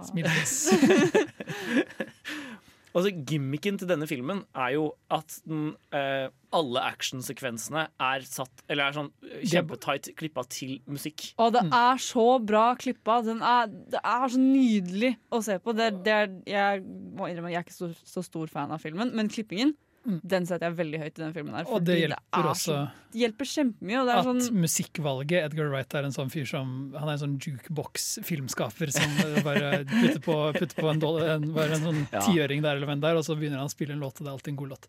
ja, og, åh, Han er så Jeg, flink. jeg, skal for eksempel, eh, jeg har et veldig nært forhold til uh, Hocus Pocus av Focus. Uh, det, det er en veldig veldig solid låt. Og da, det, da det riffet plutselig begynte å spille i filmen, så var jeg sånn Yes! Nå blir det gøy! Åpningssekvensen der òg satt til en låt jeg ikke hadde hørt før, men som nå er sånn en av mine favorittlåter. Uh, Bell Bottoms av um, The Blues Explosion. Jeg var sånn, jeg elsker den låta! Jeg elsker denne låta! Den gikk rett inn på spillelista mi der jeg hørte den i hjel. Men uh, plottet uh, Plottet til Baby Driver er egentlig ganske enkelt. Mm. Vi, det, vi har vår ukjente hovedkarakter, spilt av Ansel Elgort. Ansel Elgort. Det er sånn- Noen heter det. Jeg, jeg har sånn hat-elsk-forhold til navnet hans. Jeg klarer ikke si det med et straight ansikt. Jeg husker da jeg så plakaten, så var det sånn Noen heter det. Noen heter Visste du, Ansel ikke at han fant, visste du ikke at han fantes før den Jeg filmen? hadde ikke noe forhold til Fault in Our Stars. Han har så bland ansikt, han. Ah, han, er, han, han kan én ting, og det er å se livløs ut. Mm. Er Baby. Driver er uh, en film som kanskje kunne egentlig tjent seg på en mer karismatisk rolle, men det funker fordi litt av greia er at han skal ha litt sånn steinansikt. Mm. Uh, Men han spiller veldig steinansikt. Ja, vet ikke. Men ja, det funker jo på en måte, men jeg syns han blir litt for mye for den rollen. det var en av de filmene hvor uh, en del av debatten etterpå var om hvorvidt, akkurat som Drive, til Winding Reft, hvorvidt hovedkarakteren har autisme eller ikke. ja, men det var en ting folk prata om etter Baby Drive. Var Sånn, men hadde baby autisme? Jeg var sånn, Har det noe å si, egentlig?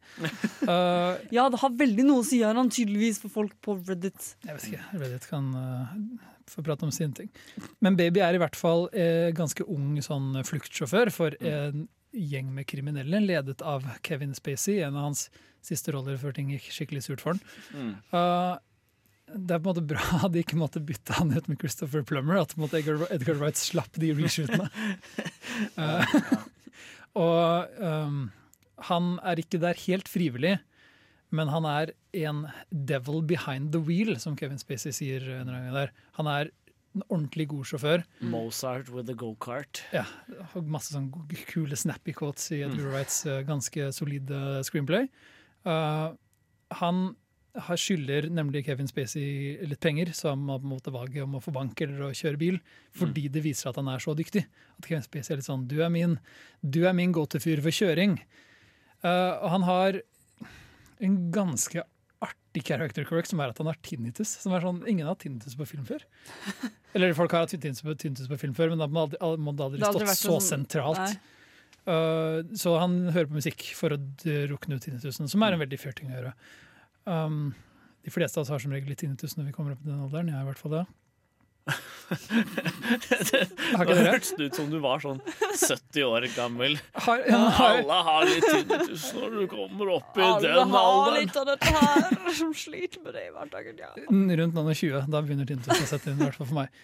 Jeg har tinnitus nå, jeg. Men uh, jeg kan ikke for det. Ha-ha. Uansett, Jarand.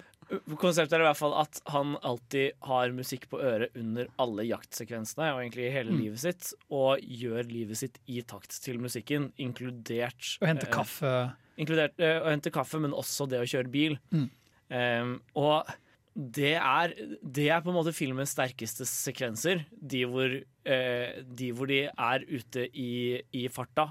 Og, eh, og alt er klippa kjempetight til musikken. Og all action på en måte følger Alle skuddvekslingene følger uh, gitarriffet. Og Det er veldig imponerende at han klarer å gjøre noe som ikke bare er på en måte sånn kult filmgreie-konsept, liksom, kompis, men han også klarer å lage kjempespennende actionsekvenser ut av det. Mm. Jeg liker de fleste jaktscenene i denne filmen. Jeg sitter liksom med litt sånn, Dette er kult, men jeg klarer også å følge med på hva som skjer. Pulsen er litt oppe. Jeg har veldig lyst til at de skal slippe unna. Det er et ganske imponerende lite sånn eksperiment Edgar Wright lykkes ganske solid med. Mm. Og, eh, men jeg vil nok også, jeg vil også kritisere filmen litt for å ha et ganske bland plott ellers. Ja, Det er en sånn- kjærlighetshistorie der inne som er så uinteressant at det er nesten til å dø av. Hvor de har kasta Lily James i en rolle som er altfor kjedelig for henne. Mm, og så er det liksom det er, det er det filmen har. Den har klippingen sin og musikken. Men Som står samtidig- veldig veldig sterkt. Jeg hørte også et intervju med en klipper som sa at han, var, han håpet at Baby Driver ikke vant Oscar for beste klipp, fordi noe av, noe av det du gjør ved, med den gimmicken, er å, eh, er å gjøre klippearbeidet veldig mye lettere. Det er jo sant, du vet, måte- du vet alltid når klippet skal Ja. komme. Ja, Du sånn, du trenger aldri å Mm. lure på det. det skal Cinematografien blir litt vanskeligere for dem. på måte vite sånn, Her skal jeg ha fem sekunder med dette, og så skal jeg ha ti sekunder med dette. Ja. Fordi jeg må klippe da, og da, da setter trommesoloen inn, og da skal vi klippe veldig raskt disse fire tingene. Mm. Eh, Men det er veldig tydelig at Edgar Wright er en sånn filmskaper som antagelig ser ting i hodet sitt og virkelig visualiserer det før han i begynner å filme. Ja. Eh, For Hvis ikke så hadde dette kanskje ikke gått. Du kan ikke bare møte opp på sett med kamera og være litt sånn Ja, vi får bare filme noe greier og skal klippe sammen etterpå. Jeg tror du må ha ganske sånn tight, ganske kontroll på når skal, når vi skal filme girspaken. Ja, han filmer veldig Det er jo en greie i alle Edgar Wright-filmer, egentlig. At han, de filmer jo alltid liksom sånne småting man ikke tenkte på at man trengte inni Mm. det bildet der, men så er det sånn Det, det, er, det er kult. Fylling av en kaffekopp, rytmen av Er det sånn um, Shaun of the Dead har jo sånn montasjer av sånn dagligdagse ting. Og så etterpå ser vi montasjen igjen, men nå i kontekst at det er en Mm. zombie-apokalypse. Edgar Wright er veldig god på den typen ting. Mm. Jeg er nok enig i at det svakeste med filmen er skriptet. Og jeg tror svakheten ligger litt i at Edgar Wright Dette er det første skriptet han skrev alene. Mm. De andre Cornetto-trilogiskriptene hans er skrevet med Simon Pegg, som har vist seg å være en ganske decent uh, manusforfatter. Han var med å skrive Star Trek Beyond, som var den, antagelig den beste av Star Trek reboot-filmene. Uh, med Scott Pilgrim, da? nei, den er jo skrevet sammen med de som skrev Scott Pilgrim-tegneseriene. Ja, ja. Uh, så Edgar Wright er nok kanskje en bedre regissør uh, enn Når han han er. jobber sammen med noen andre Mm. Det er en måte et sånn Match made in heaven er nok han og Simon Pegg, skal man være helt ærlig. Ja. Du får veldig inntrykk av det, i hvert fall. Ja.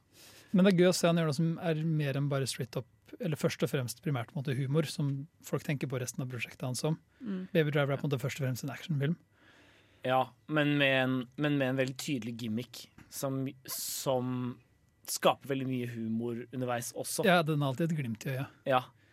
Det er et par uh, gode skuespillerprestasjoner som omgir Ansel Elgort, da. Mm. Og det er John Ham og Jamie Fox, som begge John Hamm er med i denne filmen, ja! Å, det hadde jeg glemt.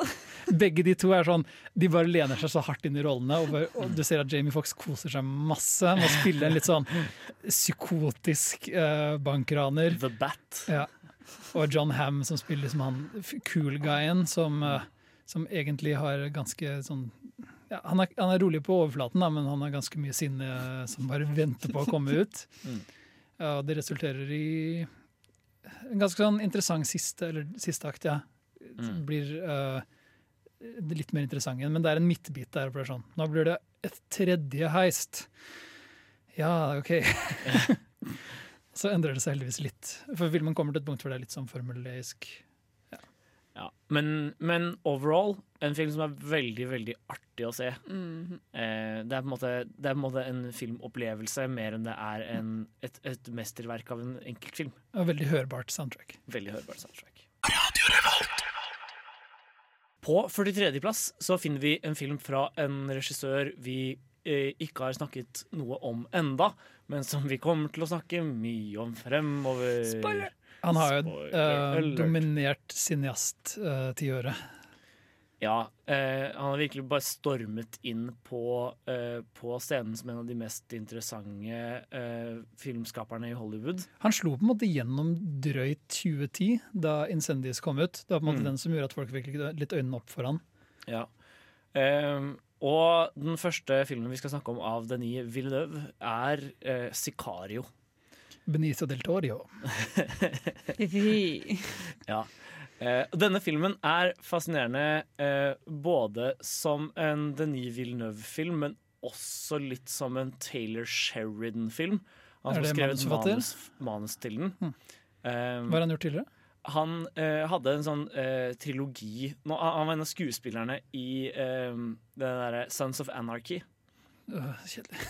Ja, eh, jeg har ikke sett noe på det, men eh, han eh, begynte i hvert fall å skrive manus som handler om Han hadde et slags prosjekt om å lage eh, tre filmer på rad hvor på en måte eh, den eh, karakteren Clint Eastwood alltid har pleid å spille, eh, plutselig fikk muligheten til å gråte. Så det er på en måte moderne Ah. vest, Alle tre er moderne westernfilmer. Um, Hell or High Water, liksom. Ja. Ja. Eh, alle, alle tre filmene, både, eh, både Sicario og Hell or High Water og eh, Wind River. Mhm. Jeg har sett både Sicario og Wind River. Ja. Og jeg har ikke tenkt på Sicario i den konteksten før, men det gjorde den filmen ganske interessant akkurat nå. Jeg fikk sånn wow! ah, Jeg skjønner at Benicio del Torio er, um, er Clint Eastwood-karakteren i filmen. Mm. Uh, så det er jo kult. Men jeg har ikke sett så mye på den i western-kontekst. Wind River er sånn veldig tydelig western. ja. Uh, bare satt Hell til or High Alaska. Water Mm, også hell- ja, er Mhm. veldig tydelig. det er nok den tydeligste western av de filmene. Han har på seg en cowboyhatt på bildet, liksom. Men, eh, men, Jiha! men Sicario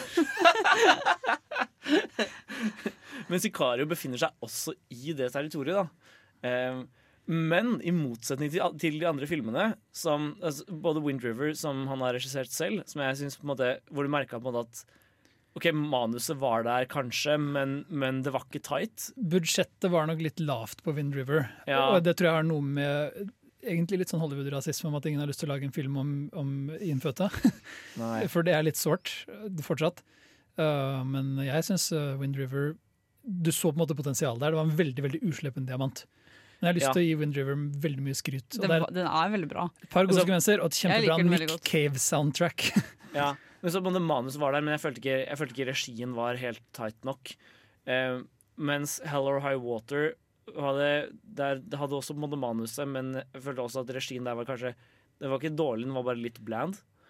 Mens, Veldig standard sånn. mens Sicario har på en måte akkurat samme utgangspunkt som de to andre filmene, men den på en måte løftes til et helt annet nivå for meg bare i kraft av å være så utrolig presist laget. Men den er også den mest kompliserte historiefortellingen av de tre. Det Fordi den drar inn på en måte do, dopkrigen i USA Mm. og uh, CIA og karteller og um, kar- prøver bare å dekke alt på en gang. jeg, jeg fikk sånn traffic-vibber av den, jeg, Steven Soderbergs traffic-vibber, i det at den på en måte prøver mer å bare å vise det, mer enn å handle om noe konkret. Ja. Så er det bare sånn, her er, det, Dette er omtrent sånn ståa er akkurat nå. Det er litt rotete og litt vanskelig å ha oversikt over, egentlig. Så Mm. dette er røftlig sånn det er. Det var den følelsen jeg hadde da jeg så filmen, husker jeg.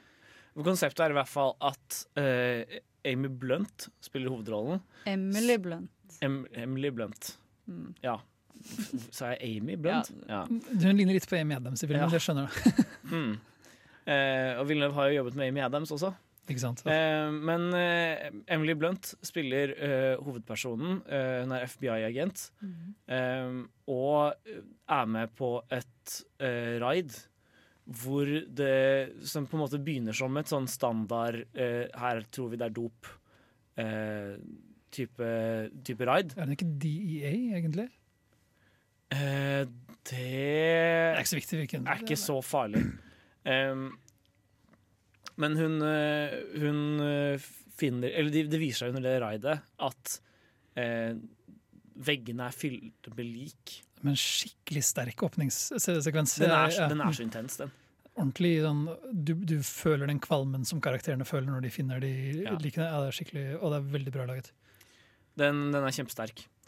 Og eh, de, de blir i hvert fall eh, Siden de har vært involvert i den saken, så er det, har, vet på en måte de som er høyere opp, at de har motivasjon til å ville gjøre noe med situasjonen. da.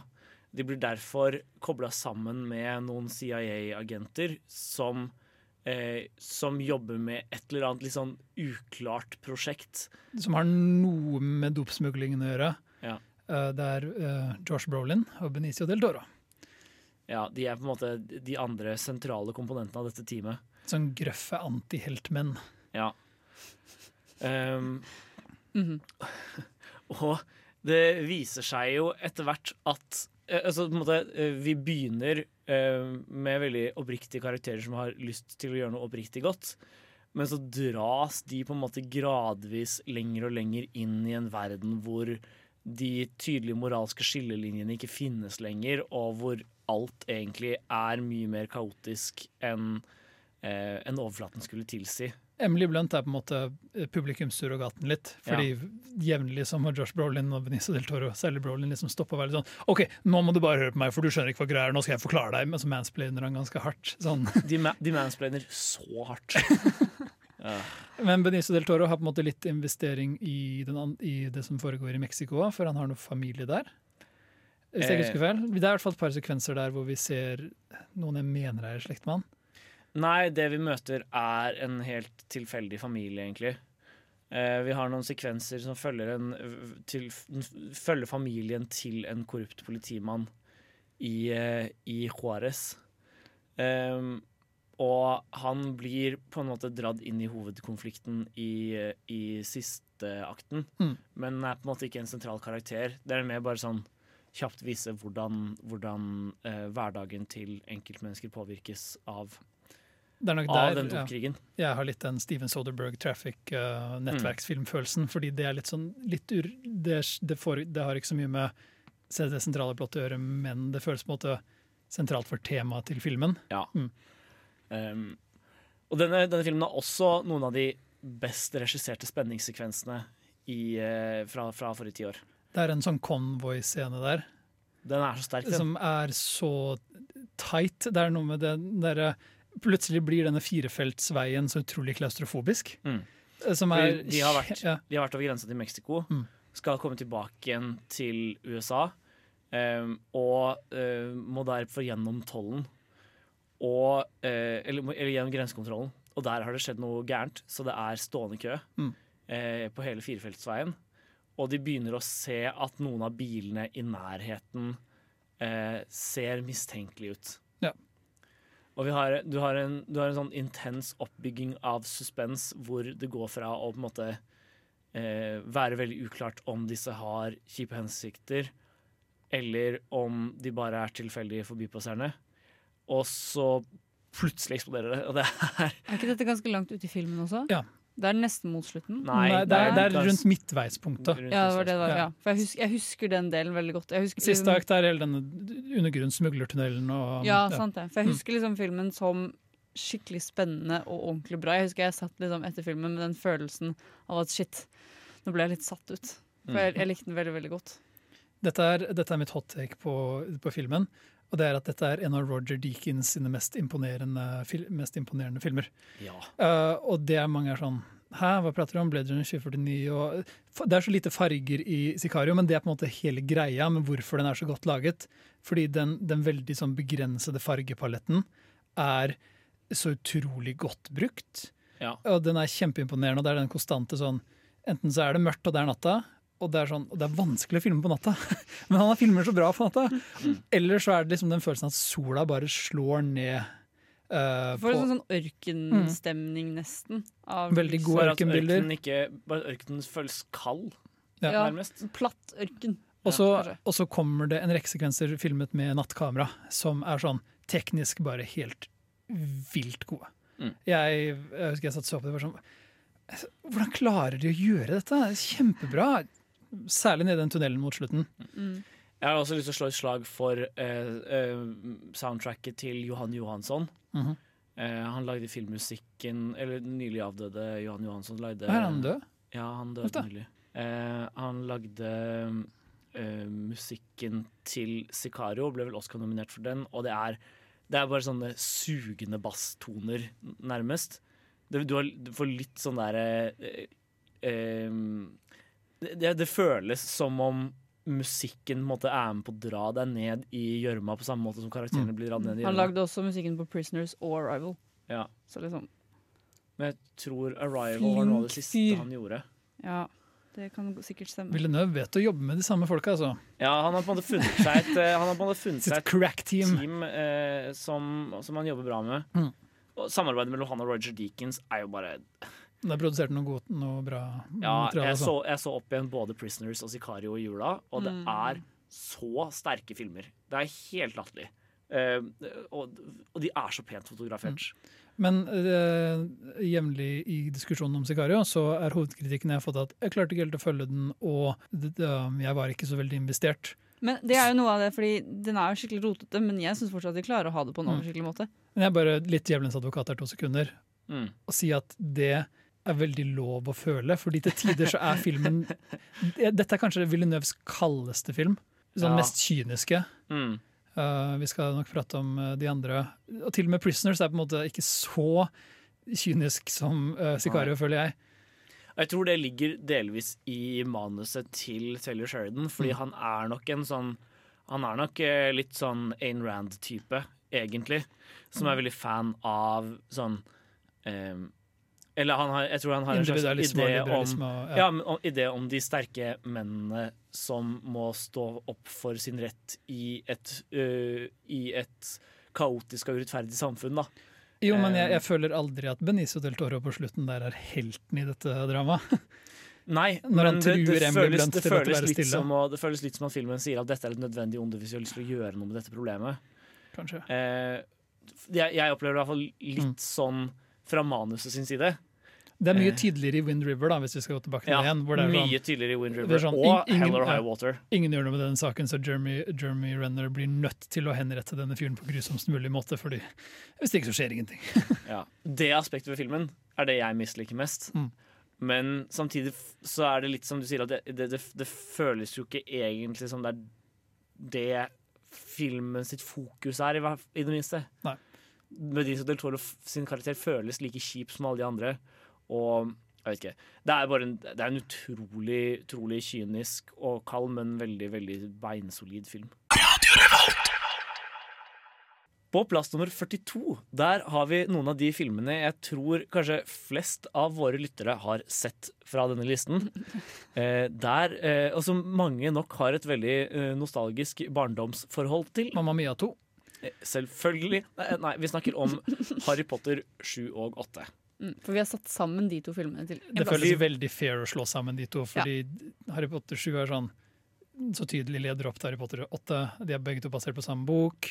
Og eh, det var én produksjon. Mm. Altså de, Det siste skuddet de filma i Harry Potter-serien, var til sjueren, på en måte. Ja, okay.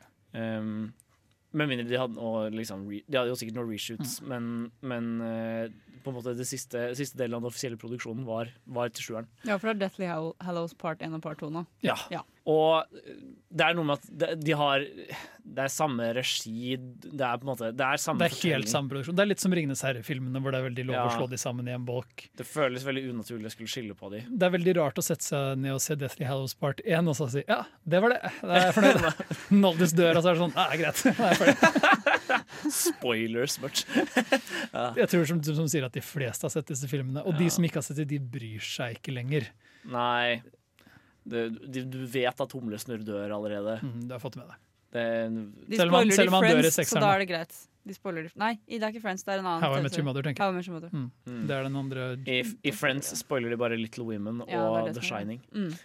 Um, de spoiler sikkert noe annet også, men det, det, er Så ikke så da kan vi også spoile det. er vel egentlig poenget her. Så de gjør det, da kan vi få lov. Ja, vi gjør alt de gjør på How I Met Your Mother. Ja. Det er, det er konseptet vårt her i Til Filmofil. punkt og prikk. Inkludert suger skikkelig hardt. Åh, eh, alt forsvant, Jaran. Alt forsvant. Men i hvert fall eh, det, var vel, det var vel egentlig jeg som kjempet inn disse filmene på lista, til en viss grad. Du er en såkalt Potterhead. Potterhead.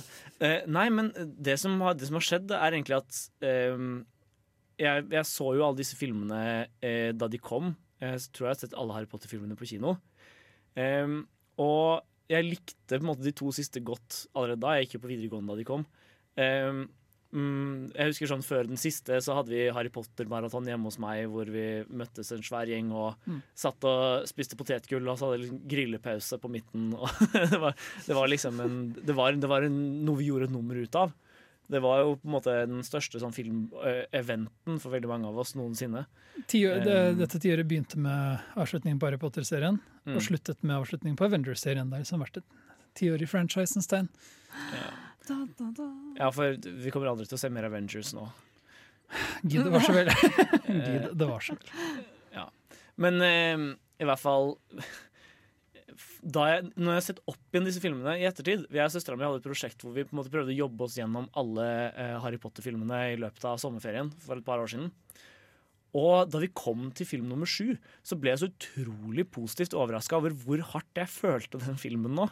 Og jeg tror det er litt fordi ingen av de andre filmene i, eh, i serien har tid helt til å eh, til å bare være med karakterene. For det er så mye plott som skal unnagjøres. Mm. Eh, det gjelder jo særlig i bok liksom fem-seks, hvor det begynner å være Fire, fem og seks filmene er sånn et rot, skal jeg være helt ærlig. Det er på en måte bare de handlingsdrivende Mm. Eller det, er bare de sekvensene som driver eh, på en måte den overordna handlingen fremover, som kan være med. Film 1, 2 og 3 er litt mer fokusert på, eller særlig 1 og 2 er på en måte såpass fokusert på bare å være eventyr- og fantasyfilmer. Ja, men, At det går bra, og, og karakterene er så unge at de har på en måte ikke komplekse indre liv. Film men det er også det, at, ja, også det at bøkene er mye kortere. Veldig sant. Eh, altså, femmeren er jo tre ganger så lang, i hvert fall. Som, Femmeren er den lengste Harry Potter-boka, Ja, på drøyt 700 sider, hvis jeg ikke husker feil. Ja, Den er den sånn. er, den er mye lengre enn den har gått av, egentlig. Eh, men, men det gjør i hvert fall at eh, de andre filmene i franchisen ofte på en måte føles veldig, veldig kompakte. eh, og veldig lite tid til å bare være med karakterene sine. Mens i sjueren, i og med at de delte opp siste boka i to filmer, så har de plutselig tid til å bare være der ute på telttur. Eh, og jeg vet at det, det er det veldig mange hat, eller misliker med denne filmen. Men det Eh, er bare fordi det er mange som ikke liker den sekvensen bare fordi Å nei, de ble splittet opp. Nei, men jeg tror også det er mange som syns det er litt kjedelig å se på Harry Potter uh, og Eller Harry, Hermine og, og Ron være på ferie eller, eller være på telttur sammen. Um, Men for meg så er de sekvensene så utrolig såre, fordi dette er, dette er karakterer jeg har vokst opp med. De er litt som barndomsvenner av meg, og så sitter de der og har det skikkelig kjipt. Og, og de la, gir meg tid til å føle på det, da. Um, I kanskje en mer sånn relaterbar situasjon enn uh, enn de andre eh, filmene. Man ser jo på en måte også at de du har vokst opp med, de har nå også blitt liksom, De har blitt store, de òg. Mm. Og de må takle ting. og så blir det sånn at du lever deg enda mer inn i det, da, fordi Ja. du føler som du sier, at du føler at de er vennene dine. Vår generasjon vokste veldig stor grad opp med Harry Potter. Ja. Eh, Jeg var liksom tre og Jeg er sånn tre år yngre enn Harry Potter, eller et eller annet, uten Mm. at jeg husker det helt spesifikt. Uh, så når han var ferdig på videregående, så gikk jeg første år på videregående. eller noe sånt, liksom. Ja. Og, Det er jo særlig filmene. Nei, særlig bøkene. Eller Nei, bøkene kom jo vesentlig tidligere, egentlig. Altså, Ja, men- den, ja, den men- siste filmen kom jo måte da jeg gikk på videregående. Ja, Så sånn sett så var i hvert fall, i hvert fall det var mer i takt med, med min utvikling. Da, kanskje. Jeg, jeg, jeg har mye sterkere tilknytning til bøkene enn til filmene. Ja. Full disclosure, når jeg så Femmeren var den siste Harry Potter-filmen jeg så. Uh, jeg hatet den så sterkt at jeg mistet Jeg fikk fullstendig avsmak på Harry Potter. Mm. Og jeg så ikke Deathly Hallows part 1 eller part 2 før jeg så den på lista di. Og var litt sånn, ja, da får jeg sjekke det ut da Jeg har aldri sett Halv Halv Halvblodsprinsen. Kommer aldri til å se den. Aldri sett Halvblodsprinsen, kommer aldri til å se den. Hmm. Den er veldig pent fotografert. Bruno Del Bonell har foto på den. Ok, Så det er ikke samme fyr som har foto på Deathly Hallows? Nei. Fordi det er noe av den verste cinematografien jeg har sett i en blockbuster. Hands down, jeg er ikke spesielt stor fan av Deathly Hallows Part 1 eller Part 2-filmene. Nei. Jeg, jeg, jeg ser det aspektet du liker ved den, og jeg er Mm. enig i at det er det sterkeste ved det. Ja. Samtidig er det også der du får mest mulig tid til å se hvor lite interessant Ron Harry Hermine egentlig er. For det, det, det går litt i stå der til en viss grad. Filmen får virkelig gjort alt den kan gjøre med karakterene i løpet av denne campingturen. Um, og så kommer del to, som er noe er de jævligste to timene jeg har hatt. Det sier jeg veldig ofte, men det er sånn Å, herregud, jeg får vondt i, i øynene av del to. Jeg er veldig enig i at eneren, eller part én er mye bedre. Mm.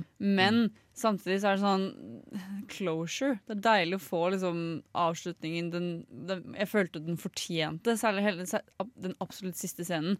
Hvor uh, Hvor Ron har kalt sønnen sin Nei, ikke Severus den! Humlesnurr. Ikke den! Ikke den. Det mente når de står på broa til Galtvort og Harry kaster vekk Ja, staven. liksom. sånn, det. Det er sånn det er, en, det er en bra avslutning Mm. på hele det lange løpet som heter Harry Potter. Men som noen som liker bøkene veldig godt, så er det en bit i bøkene hvor Harry bruker The Elder One for å fikse sin egen stav.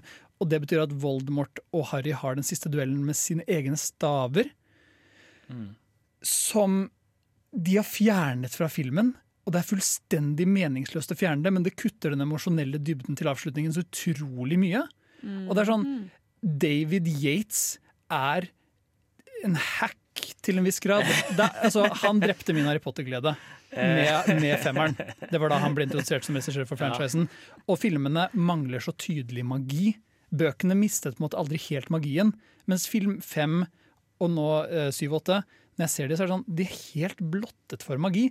Det er en helt elendig åpningssekvens i syveren hvor de alle sammen, hvor de kloner Harry Potter, eller de alle drikker sånn polyjus. Og så blir alle Harry Potter, og så er det sånn, nå har vi masse Harry Potter-decoys. Som er sånn, De finner én vits i det scenarioet, selv om du kan bruke tusen vitser. Det er, det er egentlig et ganske morsomt scenario. Hvor du kunne liksom virkelig vist hvem karakteren er, men det er sånn Fred, øh, det, Fred og Frank, holdt jeg på å si. Ja, det er det det Ja, vitser, og det var det. Det var all humoren de gadd. Nå må alle sammen fly i sånn helt Den CGI-en er eldes så dårlig, og actionsekvensen er sånn Nei, må, det må være en, en jaktsekvens, og de må ned på motorveien, og Gygrid skal kjøre opp ned i en tunnel, og det er sånn Dette er jo ikke magi, dette er bare wanted. Det er sånn Det er ordentlig tragisk hvordan filmen har jeg hadde aldri sett, sett den sammenligningen komme, men, men eh, jeg, jeg, skjønner, jeg kan skjønne hva du mener. Eller. Transformers. Filmen er sånn Den er, den er helt tappet for Det, det er jeg ikke enig i. Filmen er tappet for farge og for noe som helst sånn visualitet. Jeg er ordentlig lei meg for at David Yates avsluttet Harry Potter-trilogien, og det er ikke rart Trilogien. Nei, Harry Potter, avsluttet Harry Potter-serien, men det, er, på en måte, det, en, det, er, det er jo på en måte en trilogi som delte delt opp siste film. det, liksom hans periode med Harry Potter. Ja. Og det er ikke rart at franchisen eller universet har tanket så hardt når han fortsetter å lage Fantastic Beats-filmene. som heller ikke var spesielt gode. For ja, dette, det er, han som var de også, dette ja. er en fyr som tror han lager urbane thrillere med fantasy-elementer, når han kunne ha laget fantastiske fantasyfilmer. Og, og det, er oppriktig vondt uh, for noen som liker bøkene. Jeg blir liksom sånn frustrert når jeg prater om det. Mm. Å se noen gjøre det med materialet. Fordi uh, det er den minst kreative tingen å gjøre med et univers som kun eksisterer for å være kreativt. Harry Potter-universet funker ikke hvis du begynner å pirke i det. Det er på en måte alle anerkjent for lenge siden. Så da må vi ha det gøy i det. Og David Yates er en sånn ingen moro tillatt-fyr. Hans tidligere prosjekt var en politisk BBC-thriller, liksom. Uh, 'Enemy of State'. Som er en helt god miniserie. Fordi det er en politisk thriller, så der trenger vi ikke ha det gøy, og der trenger vi ikke ha masse farger. Der er det kult at ting skjer i små, trange korridorer, og det er jaktsekvenser i biler, og, og folk er sinte og paranoide og lei seg. Det er greit. Men ja, skikkelig skuffet over avslutningen på Harry Potter-universet på film. Ja, for Der er jo jeg uenig med deg. da Mm. Jeg syns jo Harry Potter-universet var et av de få eh, sånn eh, young adult-fiksjonsuniversene som fikk, et, fikk en sånn decent bearbeiding på film. Eh, Harry Altså, Potter halvblå, nei, femmeren er jo ikke det. Nei, femmeren er, men, men jeg føler problemet med femmeren er vel så mye kildemateriale, for den boka er altfor lang og teit. Mm. Eh, jeg, jeg, jeg, likte ikke den boka heller. Eh, så så jeg, jeg, er veldig, jeg er veldig lett for å tilgi femmeren, selv om den har den har, noen, den har dårlige CGI-elementer, den. Absolutt. Å, herregud, den det er den verste serien på den fronten. Um, men, men akkurat de to siste filmene føler jeg klarer å, å ta karakterene sine på alvor og, og ta, et, ta en bok hvor det egentlig foregår altfor mye, til å få det ned i, i filmformat. Og på en måte ta en del eh, lure snarveier som gjør at man klarer å på en måte ende opp med et med et sluttprodukt jeg i hvert fall eh, satte kjempestor pris på. da. Mm. Som sagt, både eh, Spesielt for meg så er det drama i film nummer sju som, som traff som et eh, ja, som en skikkelig knyttneve i hjerterota. Eh, og, men, men også hvordan film nummer åtte blir en mer sånn mer sånn rendyrka sjangerfilm. Film nummer åtte er bare et langt sånn slagsmål rundt galtet vårt, som på ingen måte burde vært to og en halv time langt.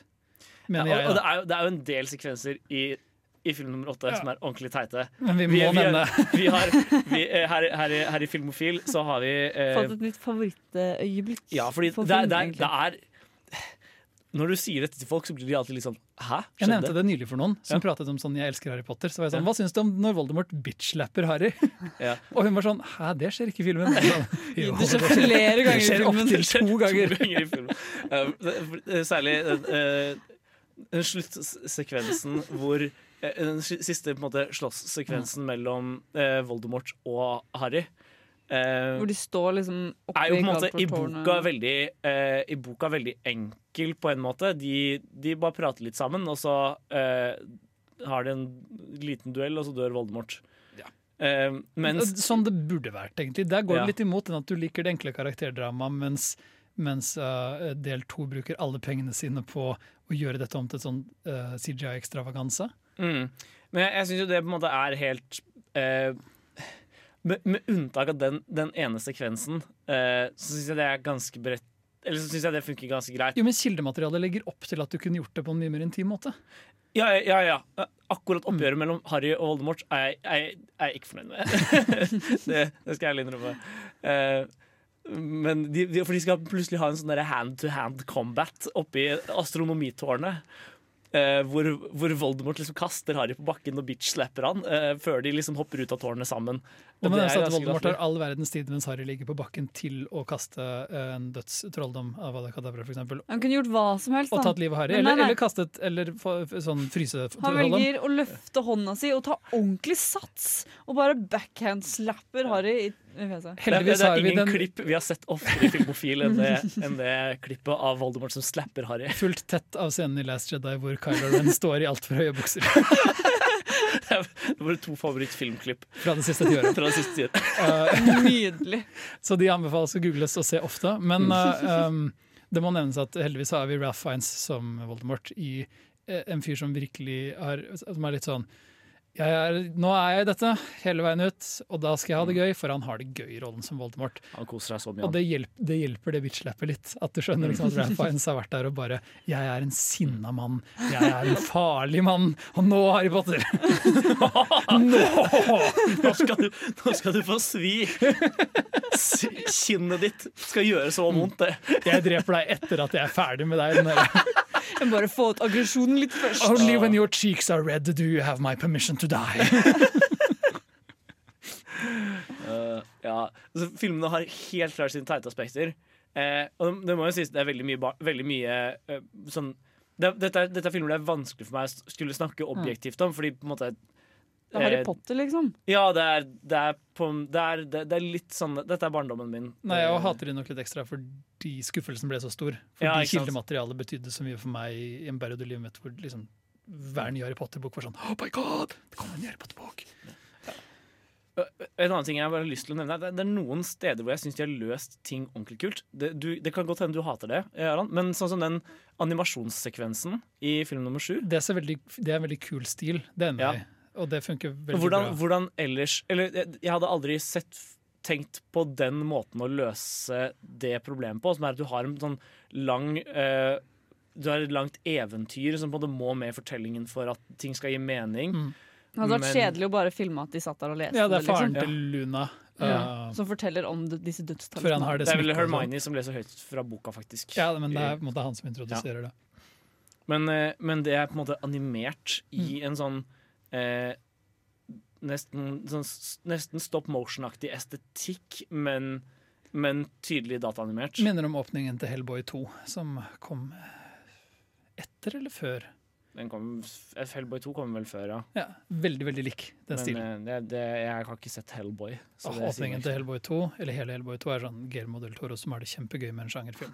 Mm. Det er, de, de minner veldig om hverandre, så da ville du likt åpningen til Hellboy 2 også. Det kan godt hende.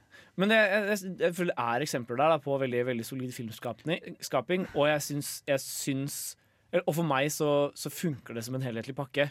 Selv om, som sagt, særlig film nummer åtte har en del sekvenser hvor jeg bare er sånn Åh, Det er sånn, det er sånn, OK, da! det er sånn skriftbiter inni der òg, som er hele den der vi må finne um, tiaraen til uh, Ravenclaw. Ja.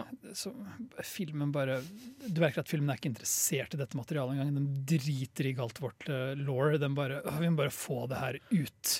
Filmen kunne ikke brydd seg mindre. Det er gjort på den kjedeligste fuckings måten. Spøkelset av dattera til Helga Ramklov som kommer inn der. Jeg liker Kelly MacDonald, jeg. Ja, det er ikke noe gærent med henne, men det er bare det at filmen kunne brydd seg om det den viser. For det er sånn Nei, vi må komme til den biten hvor Harry hopper over en trapp mens Voldemort skyter grønne laserstråler etter han. Det er sånn, åh Og slapper han i ansiktet. Gjør han. Det, er, det er den viktigste. Men bitchlap er på en måte alltid tilgitt. Bam. Mm, men ja. Harry Potter, er i hvert fall, eh, Harry Potter 7 er i hvert fall veldig veldig sånn eh, personlige filmer for meg. Så det føltes rart å ikke gi en høy plassering, fordi jeg, jeg har så mye følelser til, til at det Men det er jo veldig mange som også har det sånn. Den jo, står jo veldig Du kan ikke si at den ikke er mye omdiskutert. Gjerland. Nei, Det er veldig nei, men mye snakket den har, om. Den har betydd veldig mye for veldig mange også, denne Ja. filmserien. Så jeg, Og det er, jeg, det er jeg, veldig godt likte filmer. ja, jeg kan på en måte stå for det. Del 8 ligger veldig høyt på IMDb topp Ja. uh, top 250 fortsatt. Ja. Og det tror jeg har veldig mye med at denne filmen betyr mye for mange. Så selv om jeg personlig ser på det som sånn blant de største franchise-skuffelsene noensinne, så uh, ganske tett der oppe med, med The Last Jedi, Uh, som var en sånn film som drepte Star Wars-gleden min, så, som også kom dette tiåret. Ja. Selv om The Last Jedi er en mye mer interessant film både visuelt og plottmessig. Så Nå skal vi ikke snakke om Star Wars, Gjerland. Star Trek, da. Men, Kan, kan vi snakke om Kylo Rens høye bukser? for det er The Last Jedi, kanskje de beste.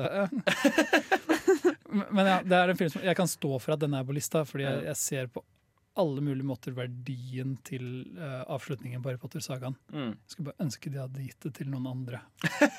til noen kreative og interessante filmskapere. På plass nummer 41 så finner vi nok en film vi plukka med oss fra Ramaskrik i høst. Det var tydelig at Mina koste seg veldig på Ramaskrik. Var denne Det gjorde jo vi òg, da. Mm. Dette var, dette var, det var Mina som kjempet inn, eh, kjempet inn The Furies på plass nummer 41. Var det noe, det var noe? Hadde du den på lista di, Jenny? Jeg tror kanskje det, men jeg hadde den ganske langt nede. I så fall er jeg så stolt, for du er jo på en måte vår hjemlige 'jeg liker ikke skrekkfilm'-stemme. Ja. Og dette er et kjærlighetsbrev til slasher-sjangeren, som på en måte er blant topp tre smakløseste skrekkfilmsjangere. Det er på en måte veldig forbeholdt sjangerfans. Ja. Jeg er så glad for at du tok så sterkt til den. Ja, eller Jeg husker ikke om jeg hadde på listen, men jeg, husker, jeg, jeg likte den skikkelig godt. Mm. Fordi det er liksom Jeg gikk inn i den filmen uten egentlig vite så veldig mye. Jeg visste, at det var mye blod, og at det var en slasher. Jeg var sånn «Mm, OK, det kan gå fint, greit, jeg blir med. Men så ble jeg veldig positivt overrasket. Selv om jeg hadde litt sånn fælt innimellom, så var den jeg ble liksom revet med, da, fordi handlingen eh, Det starter med at det, det, er en, det er en jente fra Australia. Det er der, der Filmen er filmet og satt i Australia. Ja. Kan nevnes at vi intervjuet regissøren etter filmen. da. Tony Dakino. Ja. Han var på besøk på festivalen. Han var så søt fyr. Han var kjempeskjønn. Det er liksom, du forventer ikke at han skal lage en slasherfilm. Særlig ikke denne her. Men i hvert fall så er det hun eh, hovedpersonen. Jeg husker ikke helt hva hun heter akkurat nå. Ikke heller. Nei, Men hun blir i hvert fall Hun har en krangel med bestevenninna si, og så plutselig på, på en kveld i en mystisk liten tunnel, og så eh, blir hun kidnappa, basically. Mm. Og våkner opp i en kasse i en skog som ser helt nydelig ut. Krangelen de har, handler om hvordan hun aldri tør å gjøre noe, og hennes svar er på en måte 'hallo, jeg er syk', og hun er sånn 'du bruker bare sykdommen din', som er at hun til tider Hun får sånn epileptiske anfall? Ja. Ja, som er sånn, Det er faktisk vanskelig å leve med disse anfallene. Jeg mister tid og sånn. Og hun er sånn, Du bruker det bare som en unnskyldning. Du gjør aldri noe spennende med livet ditt, og nå reiser jeg, sier venninna hennes. Og så er det liksom Mm. De krangler, men du antar at venner antagelig blir venner igjen etterpå? Ja, men så blir hun kidnappa, da. Så er det sånn, hva skjer nå, egentlig? Og jeg vil si at det er en god ra og rar blanding mellom Hunger Games, som møter Beauty and the Beast, holdt jeg på å si. Nei. Eh, Beauty and the Beast er, er jo noe de bruker Jo. i filmen, Beauty and the Beast-konseptet, men det minner jo ikke om Beauty and the Beast Nei, på noe det, annet men referansen. det er dit liksom tittelen på Beauty and the Beast og handlingen i Hunger Games litt sånn masha sammen. Det er, jo, det er jo en slasher. Det er jo, det, men det den gjør, er at den blander egentlig en slags sånn battle royale mer enn Hunger Games med Ja. slasheren. For, Ja, for det er har noe med det, det, uh, ja. Men det er altså en er kamp for overlevelse, da. Ja, men det er Battle Royale, ikke sant? Hunger Games er på en måte Battle Royale i en annen kontekst. Ja, ok. Så Hunger Games blir veldig lent på den politiske konteksten, mens Mm. her er det ingen politisk kontekst, bortsett fra en sånn dette er finansiert av rikinger, eh, som vi finner ut Ja. til slutten av filmen. Så blir, slutten har en sånn Eat the Rich-stinger, som jeg ser for at Mina tok sterkt til. Hun har en del Eat the Rich-filmer på, på lista si. Men i hvert fall så er det liksom hun våkner opp i denne skogen, og så viser det seg at det er sånne grisemenn, som jeg liker å Det kalle er, det for. det Det er, er bare menn i ekle kostymer, Mm. egentlig. Men sånn, eh, mange av de har dyre Alle har vel dyremasker og dyrekostymer, egentlig. Bare at de er gjort veldig Det er som en slasher-konvensjon. Det er en fyr der som, ser, som har en uglemaske som kan minne om ugla i Stage Fright. Det er en fyr med, som er dekket i helt fantastisk kostyme. Som er, han har bare dratt flæret huden av et menneske, og så har han det, Det på seg. det verste! som en kappe. det han liksom han, han, nederst har på trukket, han har trukket hodet til det menneskeskinnet over ansiktet sitt, så han får en sånn letterface-estetikk med 'jeg har et menneskeansikt på ansiktet mitt'. Men så har det ikke sluttet der, så han har på en måte hele det resterende hud, øh, menneskehuden. Du kan se føttene Ja, på mennesket liksom som en henge opp sånn kappe. det, føttene føt, sine. det er føttene som henger og dingler ved siden Ja. av føttene hans. Jeg husker best. Ja. Han bærer det som en sånn kappe, og så er det en fyr med hockeymaske, som så klart er Jason-referanse. Mm. Det er en rekke skrekkfilmreferanser der. da. Alle har hvert sitt unike slasher-våpen, enten det er en høygaffel eller en en machete eller et kurvet blad. Den, den ene ligner på bladet fra A Bay of Blood, hvis jeg ikke husker feil, som er sånn slasher-referanse jeg var glad for å se. Men det er jo ikke så rart at den er veldig, veldig inspirert av forskjellige slasherfilmer. For Mm. Tony Dakino var jo veldig sånn han, han elsker de filmene. Han hadde, vi spurte han om favorittfilmen hans, og han hadde um, Texas Chain som Massacre veldig høyt på den lista. Ja. Så ja, men uh, det foregår et Det viser seg på en måte at det er et sett med regler her som Mm. gradvis avdekkes, og det er noe jeg er veldig glad i i filmer. Jeg er fanget i en situasjon, og jeg må komme meg ut herfra. Jeg må finne løsningen. Det er sånn escape room, extreme escape room-greier. Mm. Hele skogen, denne flotte skogen utenfor Canberra, tror jeg, Mm. som ser ut som en sånn forsteinet skog. Jeg, jeg, tror, jeg lurer litt på om det er samme location som de brukte til noen av scenene i 'Ringenes herre'. Eller i hvert fall, hvert fall en veldig lignende Ja, location. ja. De har noen sekvenser Når de nærmer seg Mordor, Ja, og når- skogene blir døre og døre. Ja, Sam og Frodo Mm. og, og Gollum begynner å nærme seg Mordor. I hvert fall veldig lik fauna. Veldig sånn dødt Ja, det er, det er på en måte samme type sånn hvit uh, Hvit De trærne er bare sånn skog. askegrå. Ja. Ja. Og så uh, denne skogen er som du sier er nydelig. Den Mm. er omgitt av et sånn perimeter med små staker som hun prøver å gå forbi, men da, da begynner en sånn intens piping. Så hun skjønner at hun har fått implantert en eller annen form for chip Ja. mens hun har vært bedøvet. Man får jo også se det helt i starten, eh, den overgangen mellom at hun står i tunnelen og blir kidnappa. Mm. Så får vi se sånn raske klipp fra at det er noe som skjer med henne. Det Det er vært noen for leger, uten. og det er noe som skjer. For det er mye morsommere å se univers, eh, se mysteriet pakkes ut uten å få noe hint om det på forhånd. Ja, men hvis det ikke hadde skjedd, da, så hadde jo ikke Så hadde det blitt mer forvirra, tenker jeg. Jeg liker at det er der. Ja, Jeg syns det hjelper lite grann, hvert fall. Eller det sånn, fordi de å, det de klarer veldig godt, er å avdekke på en måte det er, ikke, det, er, det er ikke noe på, sånn, på noe som helst tidspunkt i filmen en person som kommer og sier sånn Jo, sånn her er det. Exposition Man dukker Ja, opp. og det er veldig glad, sånn Skype, sier, de veldig glad for at skyper det ikke eh. Vincent D'Onofrio eller noe sånt. Det er en sånn ting skrekkfilmer gjør ofte. Ouija og sånn. Bare sånn. Hva hvis vi skyper semikjent skuespiller, så kan han forklare oss det? det er kjemperart. Uh, så det gjør de aldri i denne filmen, heldigvis. Nei. Men hun Dette er litt artig, fordi epilepsien hennes kommer inn i spill Mm. som en del av plottet. Mm. Og det er alltid litt gøy at det ikke bare er en gimmick, men at den gimmicken har på en måte en grunn til å være der. Fordi når hun uh, spacer ut, så, så, så er det akkurat som hjernen hennes jeg vet ikke hvordan epilepsi funker, men hun, hun, kan, hun kan plutselig se at hun er koblet til et kamera. Ja. At noen har et bitte lite kamera i øyet hennes, og at dette kameraet er koblet til en form for overvåkning. Det er akkurat som hun kan koble seg inn på streamen til kameraet sitt. Mm. Så når hun spacer ut, noe hun absolutt ikke vil, for hun står i fare for å bli drept av alle disse mennene med økser og machetter og kniver, Mm. Mm. eh, så ser hun gjennom øynene til en av øksemorderne.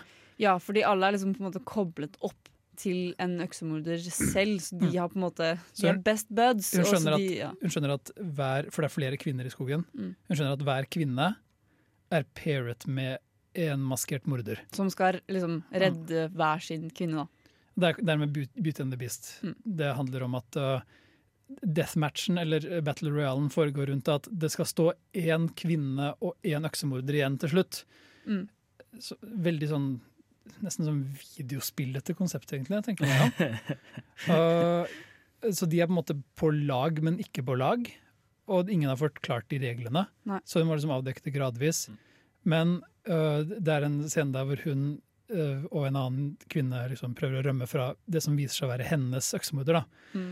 Og så spacer hun ut, og så ser vi gjennom øksemorderens øyne mens han på en måte går forbi henne og fanger den andre kvinnen og dreper henne. Mm. I en scene som er sånn så utrolig brutal, og det er rene praktiske effekter. Uh, Ja, men det skal sies, det er veldig mye Jeg håper å si det, men bra kills i den filmen her. Den, eh, den eh, var deltakende på Frightfest-festivalen, en av de største skrekkfilmfestivalene i verden, og vant eh, beste kill-prisen til den festivalen. Ja, Men det er ikke så rart, når det er Ja. det som vant, var at man liksom Man ser De kutter aldri vekk fra at man ser en eh, øks liksom bare skjære av hele ansiktet, eller hudlaget, til ans eh, på ansiktet til en av disse jentene. Mm. Og det er så forferdelig. men jeg lurer på om den ikke også fikk en sånn uh, en eller annen pris for sånn best øyescene eller et eller annet. Jo, det fikk den også. Fordi hun trekker ut øyet sitt på et punkt for å fjerne dette kameraet. Uh, Ja, eller hun tar ut, tar ut et øye med, med en skje. Ja. Det skjer. Og uh, flotte greier. Hele, hele veien. Det er bare nydelige praktiske effekter. Som Ja. en er sjanger ekkelt, som en er sjangerfan og en sånn slasher uh, semi-slasher-entusiast. Jeg liker litt sånn smakløshet. så, så er jeg glad for at filmen på en måte tar et oppgjør med hvor, hvor smakløs uh, og, og, og ondsinnet slasher-sjangeren er, men også nyter alle de aspektene ved den som man kan like som en fan. Mm. For det er skikkelig fælt at vi har en sjanger som hovedsakelig består av at monstermenn uh, torturerer kvinner. Det, skjønner du? Ja, Men kvinner torturerer det litt tilbake òg, da. Ja, det, det fine med dette er at til slutt så tar på en måte hun litt hevn. Men noen av de beste spenningssekvensene handler jo om uh, spenningen som bygges internt mellom de overlevende kvinnene. Mm. Når de på en måte skjønner at hvis, du, hvis en, en av kvinnene dør, så dør også en av monstermennene. Mm. Uh, så det er derfor de er ute etter å, drepe de andre damene. De kan det, en ikke være på lag heller. nei, for det er mye lettere for de å drepe damene enn å, slåss med hverandre. Nei, enn å slåss med de monster... Ja, altså, et beast ikke- trenger ikke å slåss mot et annet beast, han kan bare jakte ned en kvinne og drepe henne. Da har han automatisk drept et annet konkurrerende beast. Ja. Så den, den letteste måten for de å vinne på, er å drepe alle kvinnene bortsett fra sin egen. Ja, ja OK. Ja, Mm. sånn, da skjønte jeg hva du mente. Det er litt komplisert, men det handler, plottet er på en måte ikke viktig her. Det viktige her er bare Hvor bra den ser ut, egentlig. filmet i dagslys, som også er kult for en slasher, for så vidt. Mm. Ja. Mm. Altså, den, er, den, er en sånn, den er en artig sånn meta uh, Metavurder... Eller metaverk, nesten, over slasher-sjangeren. Ja. Og det, jeg synes det er veldig gøy at den er med på lista, selv om, selv om, jeg, høyt. Selv om jeg aldri ville satt den på min egen. Så er, det, så er det veldig gøy at den er med som en, sånn, som en særpreg. Og for all del, kom dere på Ramaskrik, alle sammen. Det er Skrikfilmfestival er veldig, veldig gøy. Og sjekk ut The Furious, for så vidt. Den, jeg tror den Jeg vet ikke om den er på DVD og Blu-ray engang. Det er jo en liten indie-film fra Australia. Ja, Dette er nok en film som er oppriktig vanskelig å få tak i. Hipster points til oss.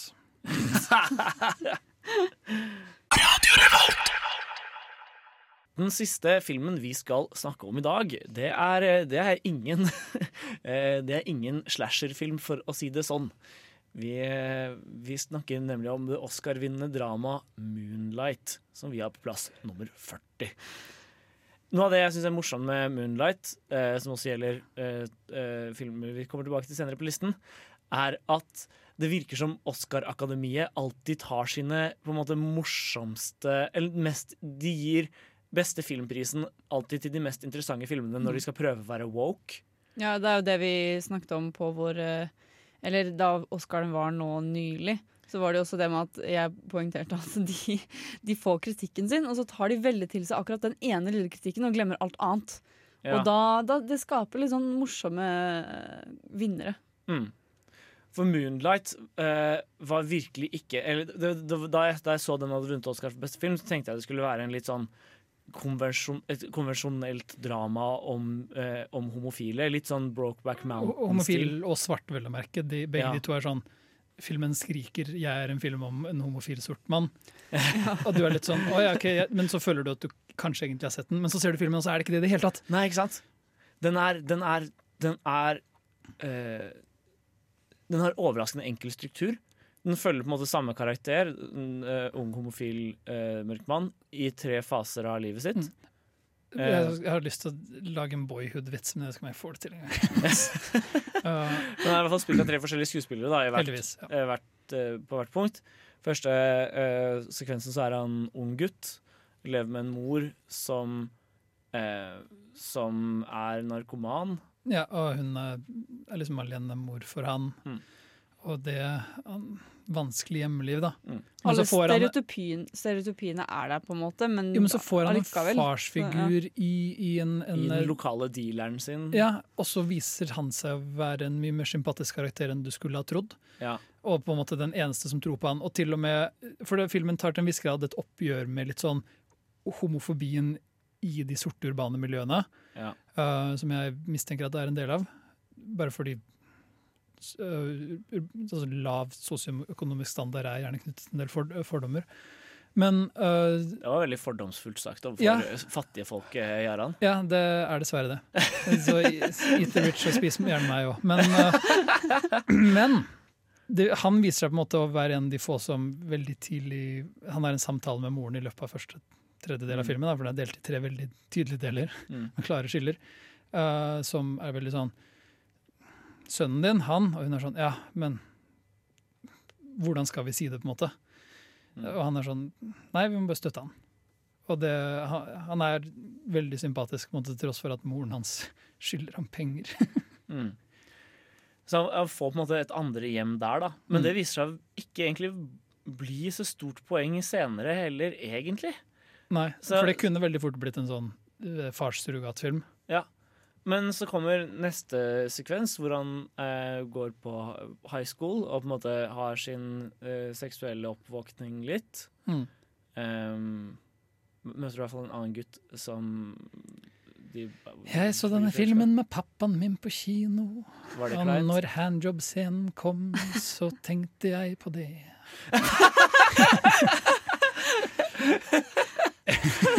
Jeg setter pris på at du valgte å synge den historien. Men det var jeg- såpass blir klein bare jeg tenker på det. Ikke fordi, ikke fordi uh, jeg ikke kan prate med familien min om sex. og- Rødhetsskalaen på trynet ditt gikk også veldig høyt. Ja, det blir klein bare jeg tenker på det. For det var sånn, det var ikke det vi trodde filmen var. Vi trodde det var Jeg gikk liksom sånn pappa for det er sånn Pappa, pappa liker Green Book, hvis du skjønner hva jeg mener. Mm. Sånn, pappa liker mer straightforward drama. Og så var det litt sånn Oi, dette er veldig veldig interessant. Dette er antagelig ikke det vi forventet i det hele tatt. Mm. Og, og så var det sånn Å, nå var det en artsy handjob-sekvens. Du har jo ikke lyst til å gå og se blå er den varmeste fargen med foreldrene dine på kino heller, skjønner du? ja, det ble rart.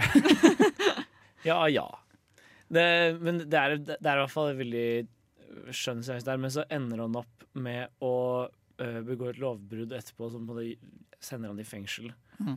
Og siste sekvensen handler om at de to møtes igjen mange år etterpå. Han er, han er på en måte blitt øh, i veldig stor grad det man Det du minst håpet at han skulle bli, da. Han er blitt en sånn hardballer. En fyr som uh, har et tøft, røft ytre og liksom Han har på en måte konstruert seg et, et persona fordi det er den han føler han må være. Og så møter han uh, den andre gutten, som nå jobber som en kokk, og på en måte til en viss grad prøver å følge en eller annen form for drøm, da. Og prøver å være seg selv litt mer. Ja. Og, og så har de egentlig bare en samtale hvor de prater litt om akkurat dette. ja, og så har han også en samtale med moren sin. Ja. Og det er på en måte egentlig hele filmen. Mm. Det er disse tre enkle um, tre, Det er egentlig tre enkle møter. I Et øyeblikk i et liv. Ja. Det, ja.